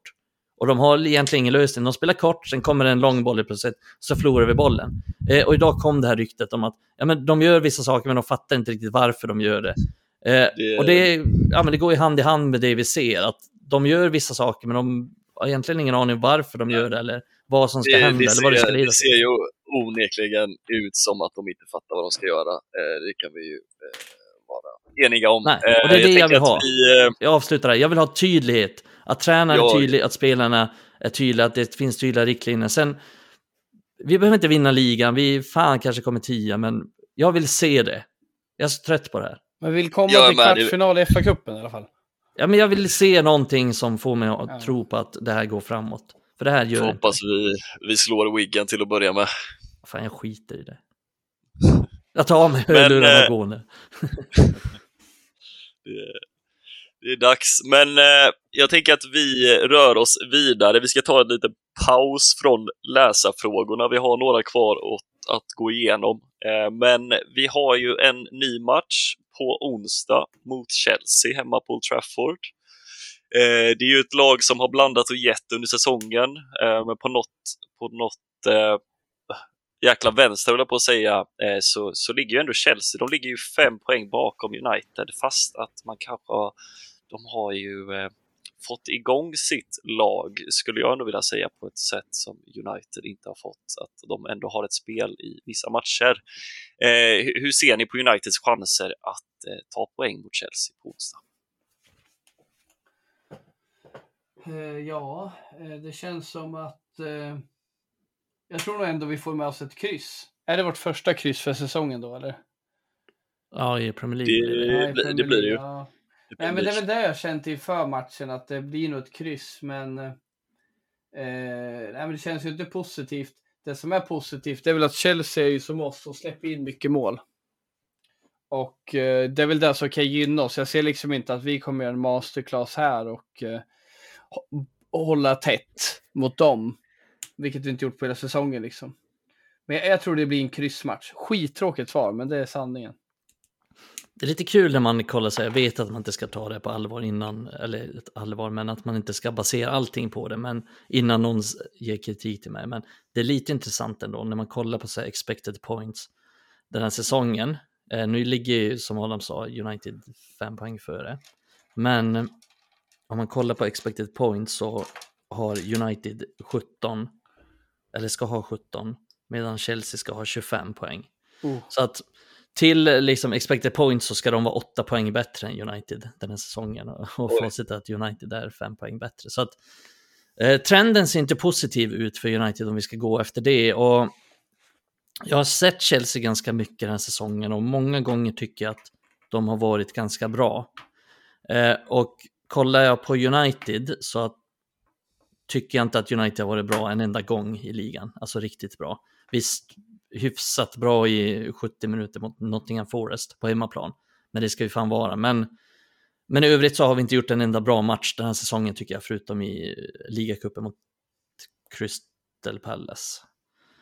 Eh, Det stämmer. Eh, Det är egentligen den enda matchen jag tycker United varit bra i. Eh, Första, första 45 mot Luton. Men eh, där är ja, inte ens- ja, men typ så här, lite fragment. Första 20 mot Åh, fy fan, Köpenhamn. nu får ni ge er. Men det är ju, United inte varit, om vi slår fast, United har inte varit bra Typ, en enda match i nej, ligan. Alltså riktigt bra, en- över 90 inte. minuter. det stämmer. Eh, och därför, ja, alltså man har ändå den här känslan att vi kan få någon omställning här och så kan Rashford göra det och så kan Garnacho göra det. Vi har ju kvalitet för att kunna straffa Chelsea för att kunna vinna den här matchen. Men jag tror ju att Chelsea kommer vara bättre än United i den här matchen och sen hur den här matchen går, det är lite som ett, ja men det är som att dra lott. Jag säger inte att eh, det är lösningen, för det går inte alls i linje med någonting någonstans egentligen. Vi är ju liksom inte det här kontringslaget som straffar våra motståndare på kontringen längre. Vi är ju Nej. tvärtom liksom Ändå har vi lite den känslan lådan. att Men det det är det som jag känner att för Chelsea, Ja. att de vill ha mycket bollinnehav och det kan nog gynna oss i vissa lägen. Det är därför jag menar att till och med Rashford skulle kunna spela till höger den här matchen och göra ett eller två mål till och med. Det känns inte logiskt när man berättar det, men, men det är ju det är lite så det funkar. Mot ett sådant här lag, att skapa de ytor. Det tyckte inte jag Newcastle riktigt gjorde till oss. De var jävligt bra, vi var jävligt dåliga. Men, men Chelsea, de har det. De, de släpper in mycket mål. Det gör inte Newcastle. Och om vi jämföra, det, det, det är liksom... Chelsea har, jag håller med dig Mikael, de har varit ganska bra i år. De har faktiskt varit bättre än jag trodde. Men de har släppt in mycket mål. De har släppt in mycket mål i många matcher. Ja, men vi gör inga mål. Nej, precis. Men vi Det gör bara- det i vissa matcher. Eller jo, vi gör mål Mikael, men vi gör det för sällan, alltså, eller för inkonsekvent. Vi har fan gjort tre mål mot Bayern München. Så vi borde ju kunna göra tre mål mot Chelsea. Det är kul, vi är ett annat lag. Å ena sidan är vi ett annat lag i ligan och andra i Champions League. Men om vi bara kollar i ligan så, att, så har ju de, alltså Det är, det är bara det är Crystal Palace, Everton, Luton, Burnley, Sheffield United som har gjort färre mål än United. ligan. Åh fy fan så sjukt. Det är bara dem. Liksom vi har, alltså vi har fem mål färre än, sex mål till och med kanske än Brentford om jag minns rätt så här. Jag har inte det framför. Vi har typ tio mål färre än, än West Ham. Alltså, vi gör för lite mål eh, också så att och släpper till för mycket chanser och tar för lite poäng. Alltså det, det är lite som det här. Moyes-citatet där, att United är för dåliga på att försvara, på att anfalla. och det, är- det är sanningen just nu. Så att jag, jag låter jävligt negativ, men jag ser ingen anledning till att jag inte ska vara negativ heller. Tror du vi vinner, Måns? Eh, jag tror inte att vi vinner, men samtidigt så kom jag på mig själv i lördags med att vakna på morgonen och någonstans tänka att det skulle gå på i Newcastle att, att, eh, att ta tre poäng. Jag pratade med min kusin, jag pratade med polare, jag pratade med min farsa och jag sa till du alla bakfull, att, eh, Nej, faktiskt inte. I, i lördags gjorde jag inte det. Man hade ju kunnat tro det med tanke på att jag faktiskt trodde på United där på, på, under dagen. Det fick man ju, det var ju lite ost, man, lite gammal ost man fick eh, ta i sig där i slutsignalen. Eh, jag tror inte att vi vinner mot Chelsea, men eh, kanske att vi får se några mål. Det kan bli en målrik drabbning. Eh, Kanske blir har ju lite- 3-3 match, känns som eh, Chelsea United 3-3. Ja, det skulle inte förvåna mig. en, en repeat på, på bortamötet mot Galatasaray. Och vi har ju spelat 3-3 även mot... Eh, Kö- nej, nej vi, vi har spelat 3-3 två gånger i år. Va? Jag vet att vi gjort mycket matcher, många matcher vi gjort tre mål och förlorat i alla fall. Eller Ja. tappat poäng. Skitsamma. Eh, vi har i alla fall lite positiva nyheter i, i alla fall i görningen. Eh, de kommunicerade ut idag United att Evans, Eriksen, Ahmad, Mount, att alla är ju på G tillbaka. Eh, det är inte riktigt klart ifall de är redo redan på, på onsdag. Eh, tror ni att eh, någon av de här spelarna kommer att eh, kunna blåsa in lite härliga bindar i laget och få till en förändring? Eh, ja, framförallt eh, Ahmad tror jag, när han kommer in sedermera. Ja, jag visste att du skulle säga Ahmad. Han är man ju taggad på. Ja, jag Det tror, han kul liksom, jag tror det kommer vara så här en ögon, eh, så här, ögonbrynshöjare, eller vad säger man? Jag tror, så här, som Vika var inne på förut, ja, en ny spelare är alltid intressant. Det är jävligt tydligt i United-kretsar. Eh, Pelist är ett bra exempel. Men jag tycker i fallet Ahmad, där de har snackat mycket som en flopp, så jag tror många kommer bli chockade nog för rätt ord, vad han kommer leverera. Jag, precis som Mikael, så följer lånekollen och är den av oss som bevakar våra utlånade spelare som mest. Under Sunderland-säsongen, förra säsongen, där var ju han liksom den kanske starkaste anledningen till att Sunderland var så jävla bra offensivt. Han var liksom katalysator i den offensiven. Utan honom hade de aldrig nått playoff. Och jag tror att han är så pass trygg tekniskt att han kommer kunna leverera det i Premier League med. Jag tror liksom inte han kommer bli vår bästa spelare, men jag tror han kommer skapa kontroll. Och han är sån här som är duktig på att värdera. Han kommer kunna ge oss kontroll på kanten, men även kunna löpa in i luckor för att vara kreativ. Och det är det jag saknar Anthony. Jag tycker att Anthony är bra på vissa saker, men jag tycker inte han är tillräckligt kreativ. Jag tycker han är lite för mycket safe. Och Ahmad, han är jävligt bra på att värdera. Och jag tror han kommer skapa ett värde utifrån att, ja men vad är det som kan göra skillnad med de här spelarna som kommer in? Framförallt Ahmad. Mount kan ju komma in och vara bra tror jag någonstans. Men jag ser liksom inte att han, han ska gångra vår leverans någonstans. Det kommer Ahmad göra.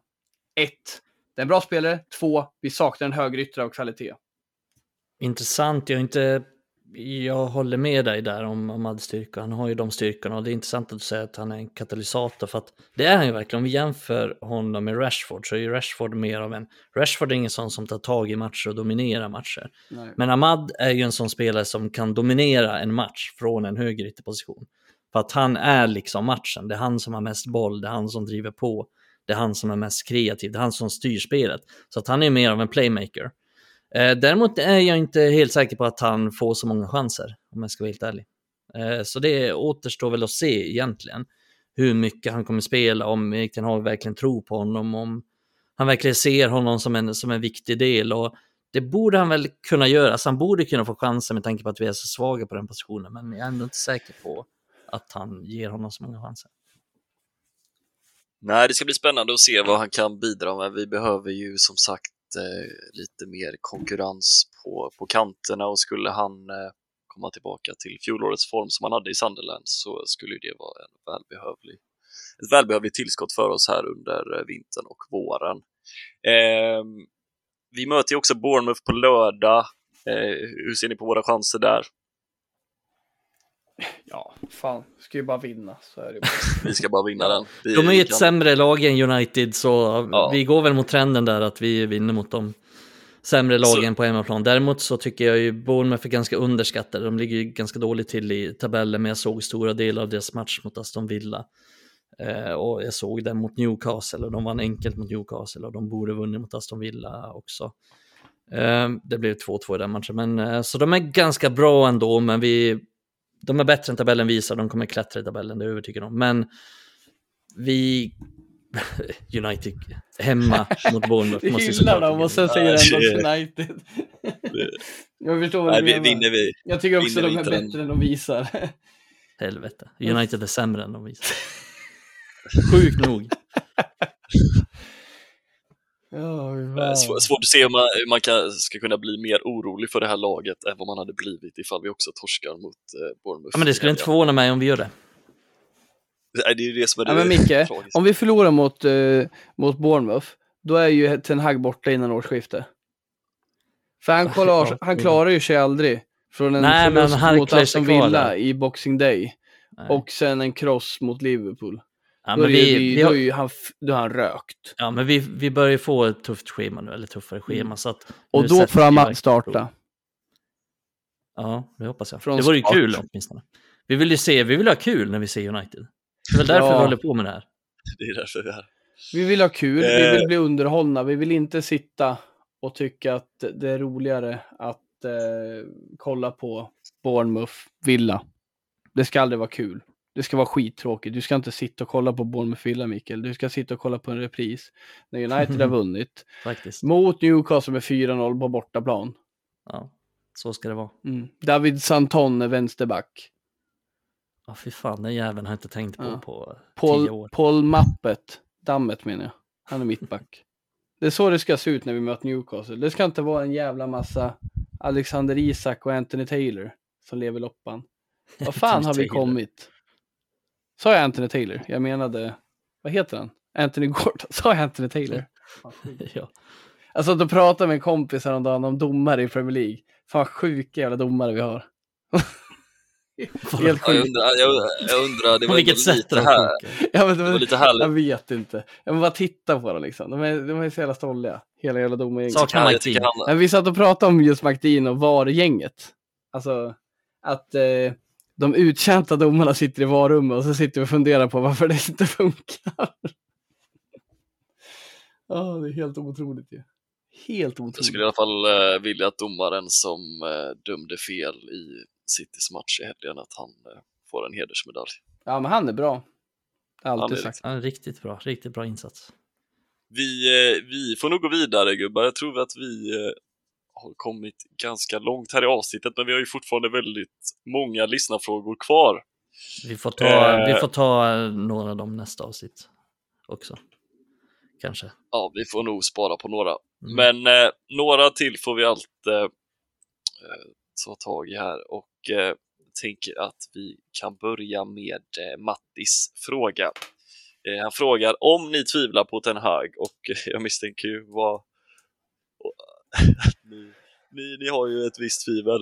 Eh, när började ert eh, frö av tvivel sås? Han säger att han började tvivla vid Brighton-torsken i höstas. Oj. eh, nej, men mitt tvivel, det började ju faktiskt med att han, han ändrade om sin taktik. Alltså resultat för mig, det spelar ingen roll. Alltså, det är klart som fan det är viktigt med resultat. Men för mig handlar det om när han började, han började liksom med, med också ofta fel material spela en, en annan fotboll. En naiv fotboll och det började väl någonstans där med att han skulle ha Mount som en ersättare till Eriksen, vilket är jättefint i praktiken. Men då måste du en helt fantastisk sexa som är helt oumbärlig. Och det har vi inte. Så, så, så det där är stannar för mig. När han ändrar taktiskt, då börjar jag förstå att nej fan, nu är han ute och cyklar. Ja, alltså det... Ja, det är väl kanske Brighton är väl ett, ett bra exempel där för att vi gnetade väl ändå oss till några vinster där. Då var det ingen skandal att vi förlorade mot Tottenham borta och Arsenal borta. Men Brighton hemma där, då var det var riktigt jävla uselt. Vi blev riktigt jävla utspelade den matchen. Och då kände man väl att ja, men nu har han varit här ett tag ändå, nu ska det se bättre ut. Eh, men eh, det, det gjorde det inte och Nej. ja, men någonstans, någonstans där eh, började väl jag också tvivla kanske. Ja, man, man bär ju på ett tvivel, eh, så är det ju. Eh, men eh, Zigzag, han tycker att, att folk har lite orimliga förväntningar på laget och det kan man väl också tycka, eh, hålla med honom till viss del. Han undrar vad, vad är det för fel med fanbasen? Varför har folk så orimliga, orimliga förväntningar på laget? Det är ju som om hela världen går under efter varje förlust. Nej, jag tycker tvärtom. Jag tycker vi har för låga krav på klubben. Jag tycker vi är för jävla schyssta. Alltså vi, vi är ju år efter år liksom någonstans eh, blundat för de här jävla problemen. Vi fortsätter ju att tro att det ska ske under, även fast klubben är helt jävla sallad. Och även om, ja men jag tycker fan vi har jävligt lång, hög, alltså vi har, vi har ett jävla tålamod med alla tränare och spelare och även om det kommer en ny tränare så tror vi på dem och ger dem mycket chanser. Så jag vet inte om jag håller med där riktigt. Jag, jag tror jag förstår vad han menar, liksom att alla fans i alla läger är väl liksom lite drama queens och drar det för, för långt. Men det är väl för att vi bryr oss hela mycket. Vi bryr oss i regel mer än de här jävla spelarna som springer på planen och man undrar ju om de faktiskt bryr sig. Men eh, jag, jag tycker att vi har varit tålmodiga. Jag tycker vi var tålmodiga med Erik Ten Hag under hela året. För det ska ju sägas det att det har ju varit ett halvår innan börja, många började tappa honom som han varit dålig. Alltså Mm. Champions League tänkte jag säga. Fan vad länge sedan jag spelade Champions League-final. Men ligacupfinalen den var i slutet på februari. Det har gått ett halvår sedan. Efter det som folk började gnälla på riktigt. Folk gnällde inte i maj. Det gjorde de Nej. inte. Men det är snart ett år sedan vi var bra. Ja, Det, det är snart gått ett år sedan vi eh, var bra, för att vi var ganska dåliga efter ligacupfinalen, även om vi tog våra gnetade till oss våra poäng här och där, men vi tappade ganska mycket i ligan och vi, vi hade ett ganska långt försprång mot Liverpool där framförallt och sen eh, höll de nästan på att ta igen det, eh, men vi behöll den här tredjeplatsen till slut. Eh, Så att det är ett tag sedan eh, United var bra. Jag kan hålla med om att vi har ändå ganska mycket tålamod och jag tänker så här bara att kolla på den här Champions League-säsongen som United gör nu i den här gruppen och att ligga sist i den här gruppen i det läget. Eh, hade det hänt i Real Madrid så tror jag att ja, men de hade sparkat honom på stört. Eh, om det hade sett ut så här. Eh, så jag tycker ändå att vi, vi är ganska schyssta, alltså både klubben, jag vet att folk gillar att säga också att klubben inte har tålamod, men klubben har ändå ganska stort tålamod, tycker jag ofta, och vill ge, vill ge mycket förtroende och vill ge mycket mandat och makt till tränarna, utan det är nästan alltid när det blir o, helt ohållbart som, som sparken kommer. Eh, och jag tycker att vi supportrar också har ganska stort tålamod, även om vi gnäller mycket så har vi ganska stort tålamod jämfört med ja, men Real Madrid är ju alltid exemplet man vill dra, men Bayern München hade man också kunnat säga, Barcelona och så vidare. De är, deras supportrar och deras ledningar är ju mycket mindre tålmodiga än vad, än vad Uniteds motsvarigheter är. Och om vi pratar om tålamod, hur, hur mycket tålamod eh, ska man ha ifall man vill se United bli ett storlag igen? Det undrar Bengt Norman. Jag tycker det är svårt för att vi behöver avvakta det här ägarskapet. Vi behöver avvakta och se vad som händer. Om eh, Radcliffe nu, det är mycket rykten så här, när, att det är hela tiden nästa vecka, men om jag säger att han tar över och får mandat, då behöver vi, och det tror jag de kommer göra också, då kommer de utvärdera situationen lite och göra om i det. De, ja men Richard Arnold är ju redan borta och de kommer förmodligen göra någon ändring där med John Murtog också vad gäller sportchef och så här. Så att jag tror att de kommer omvärdera hela organisationen och hela situationen och då kommer såklart också Erik Den Hag att utvärderas eh, och rekryteringen och alla, alla sådana såna pusselbitar. Så att, jag tror att det är nog, I nuläget så är det bäst att avvakta tror jag och inte göra så mycket utan vänta på det här eh, nya ägarskapet helt enkelt och sen utvärdera situationen. För jag, jag tror inte att det är liksom inte, visst det är dåligt men det är inte så dåligt att det har blivit ohållbart att vi måste ta in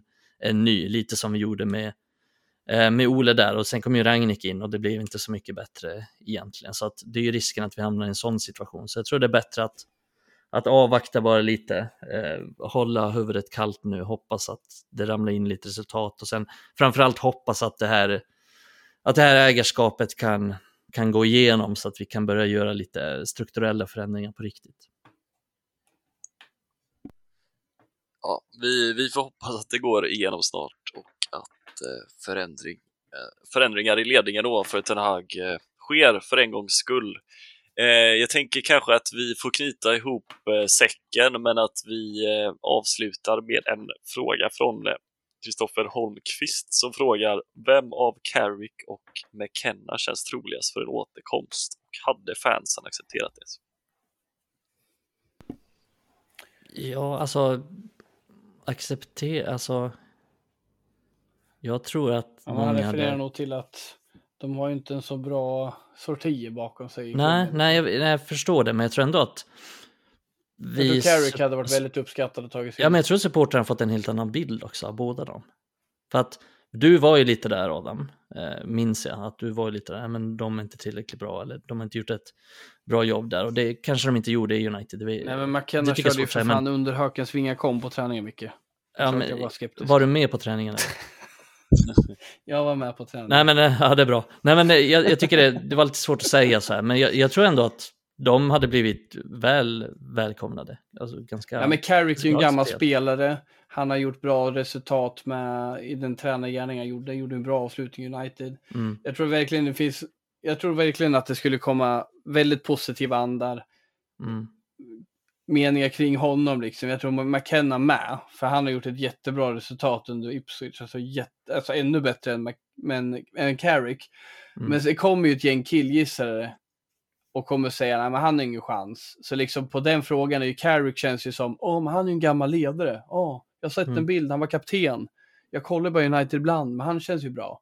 Alltså, McKenna har inte det mandatet.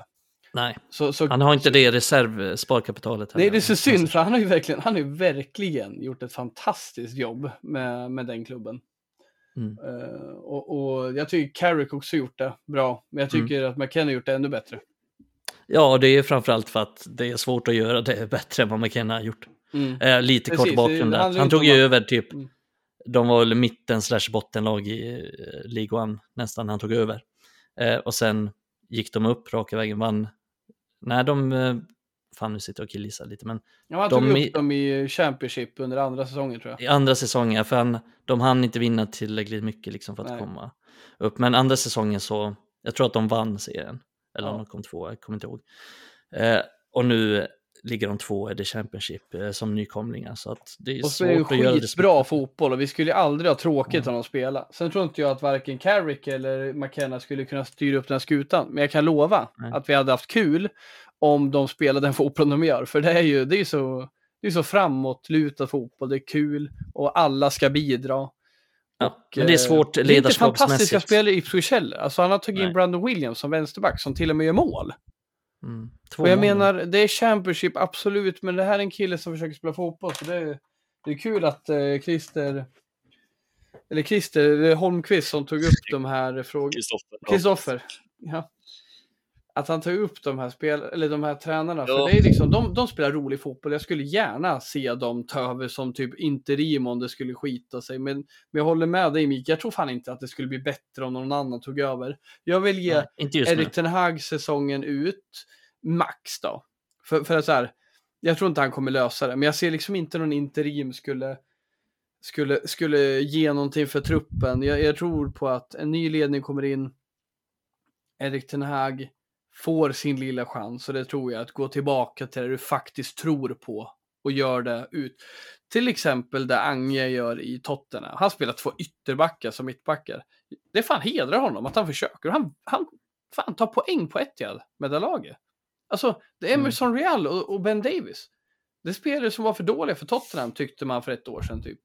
Det, det är så sjukt att du lyckas med det, men det är bara för att spelarna tror på dig, du tror på ditt spel och du har ett spel.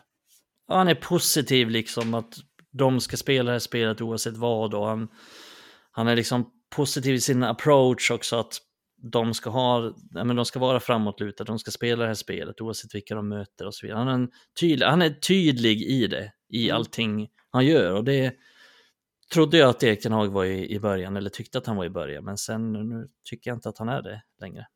Varken i sitt ledarskap Och de här jävla interna stridigheterna som verkar vara i klubben med allt vad det är. Så jag tror det har tagit överhand också. Det, det blir bara Mm. värre nu. Jag ser bara nästa grej att han liksom att han petar Rashford och där blir det en grej. Inte för att Mm. Rashford kommer liksom göra myteri, men jag känner bara att ju mer sådana här avvikelser som händer i hans startelva, ju mer problem kommer det bli. Man har Ja, ju en liten känsla av att det är en liten briserande bomb där runt Casemiro liksom. Ja, och det är ju Det- det, är det som har, har blivit där, är ju känslan kring Sancho och hela situationen där att många spelare förmodligen står bakom Sancho liksom och tycker att Erik Ten Hag har agerat fel där och det, ja, det leder till problem.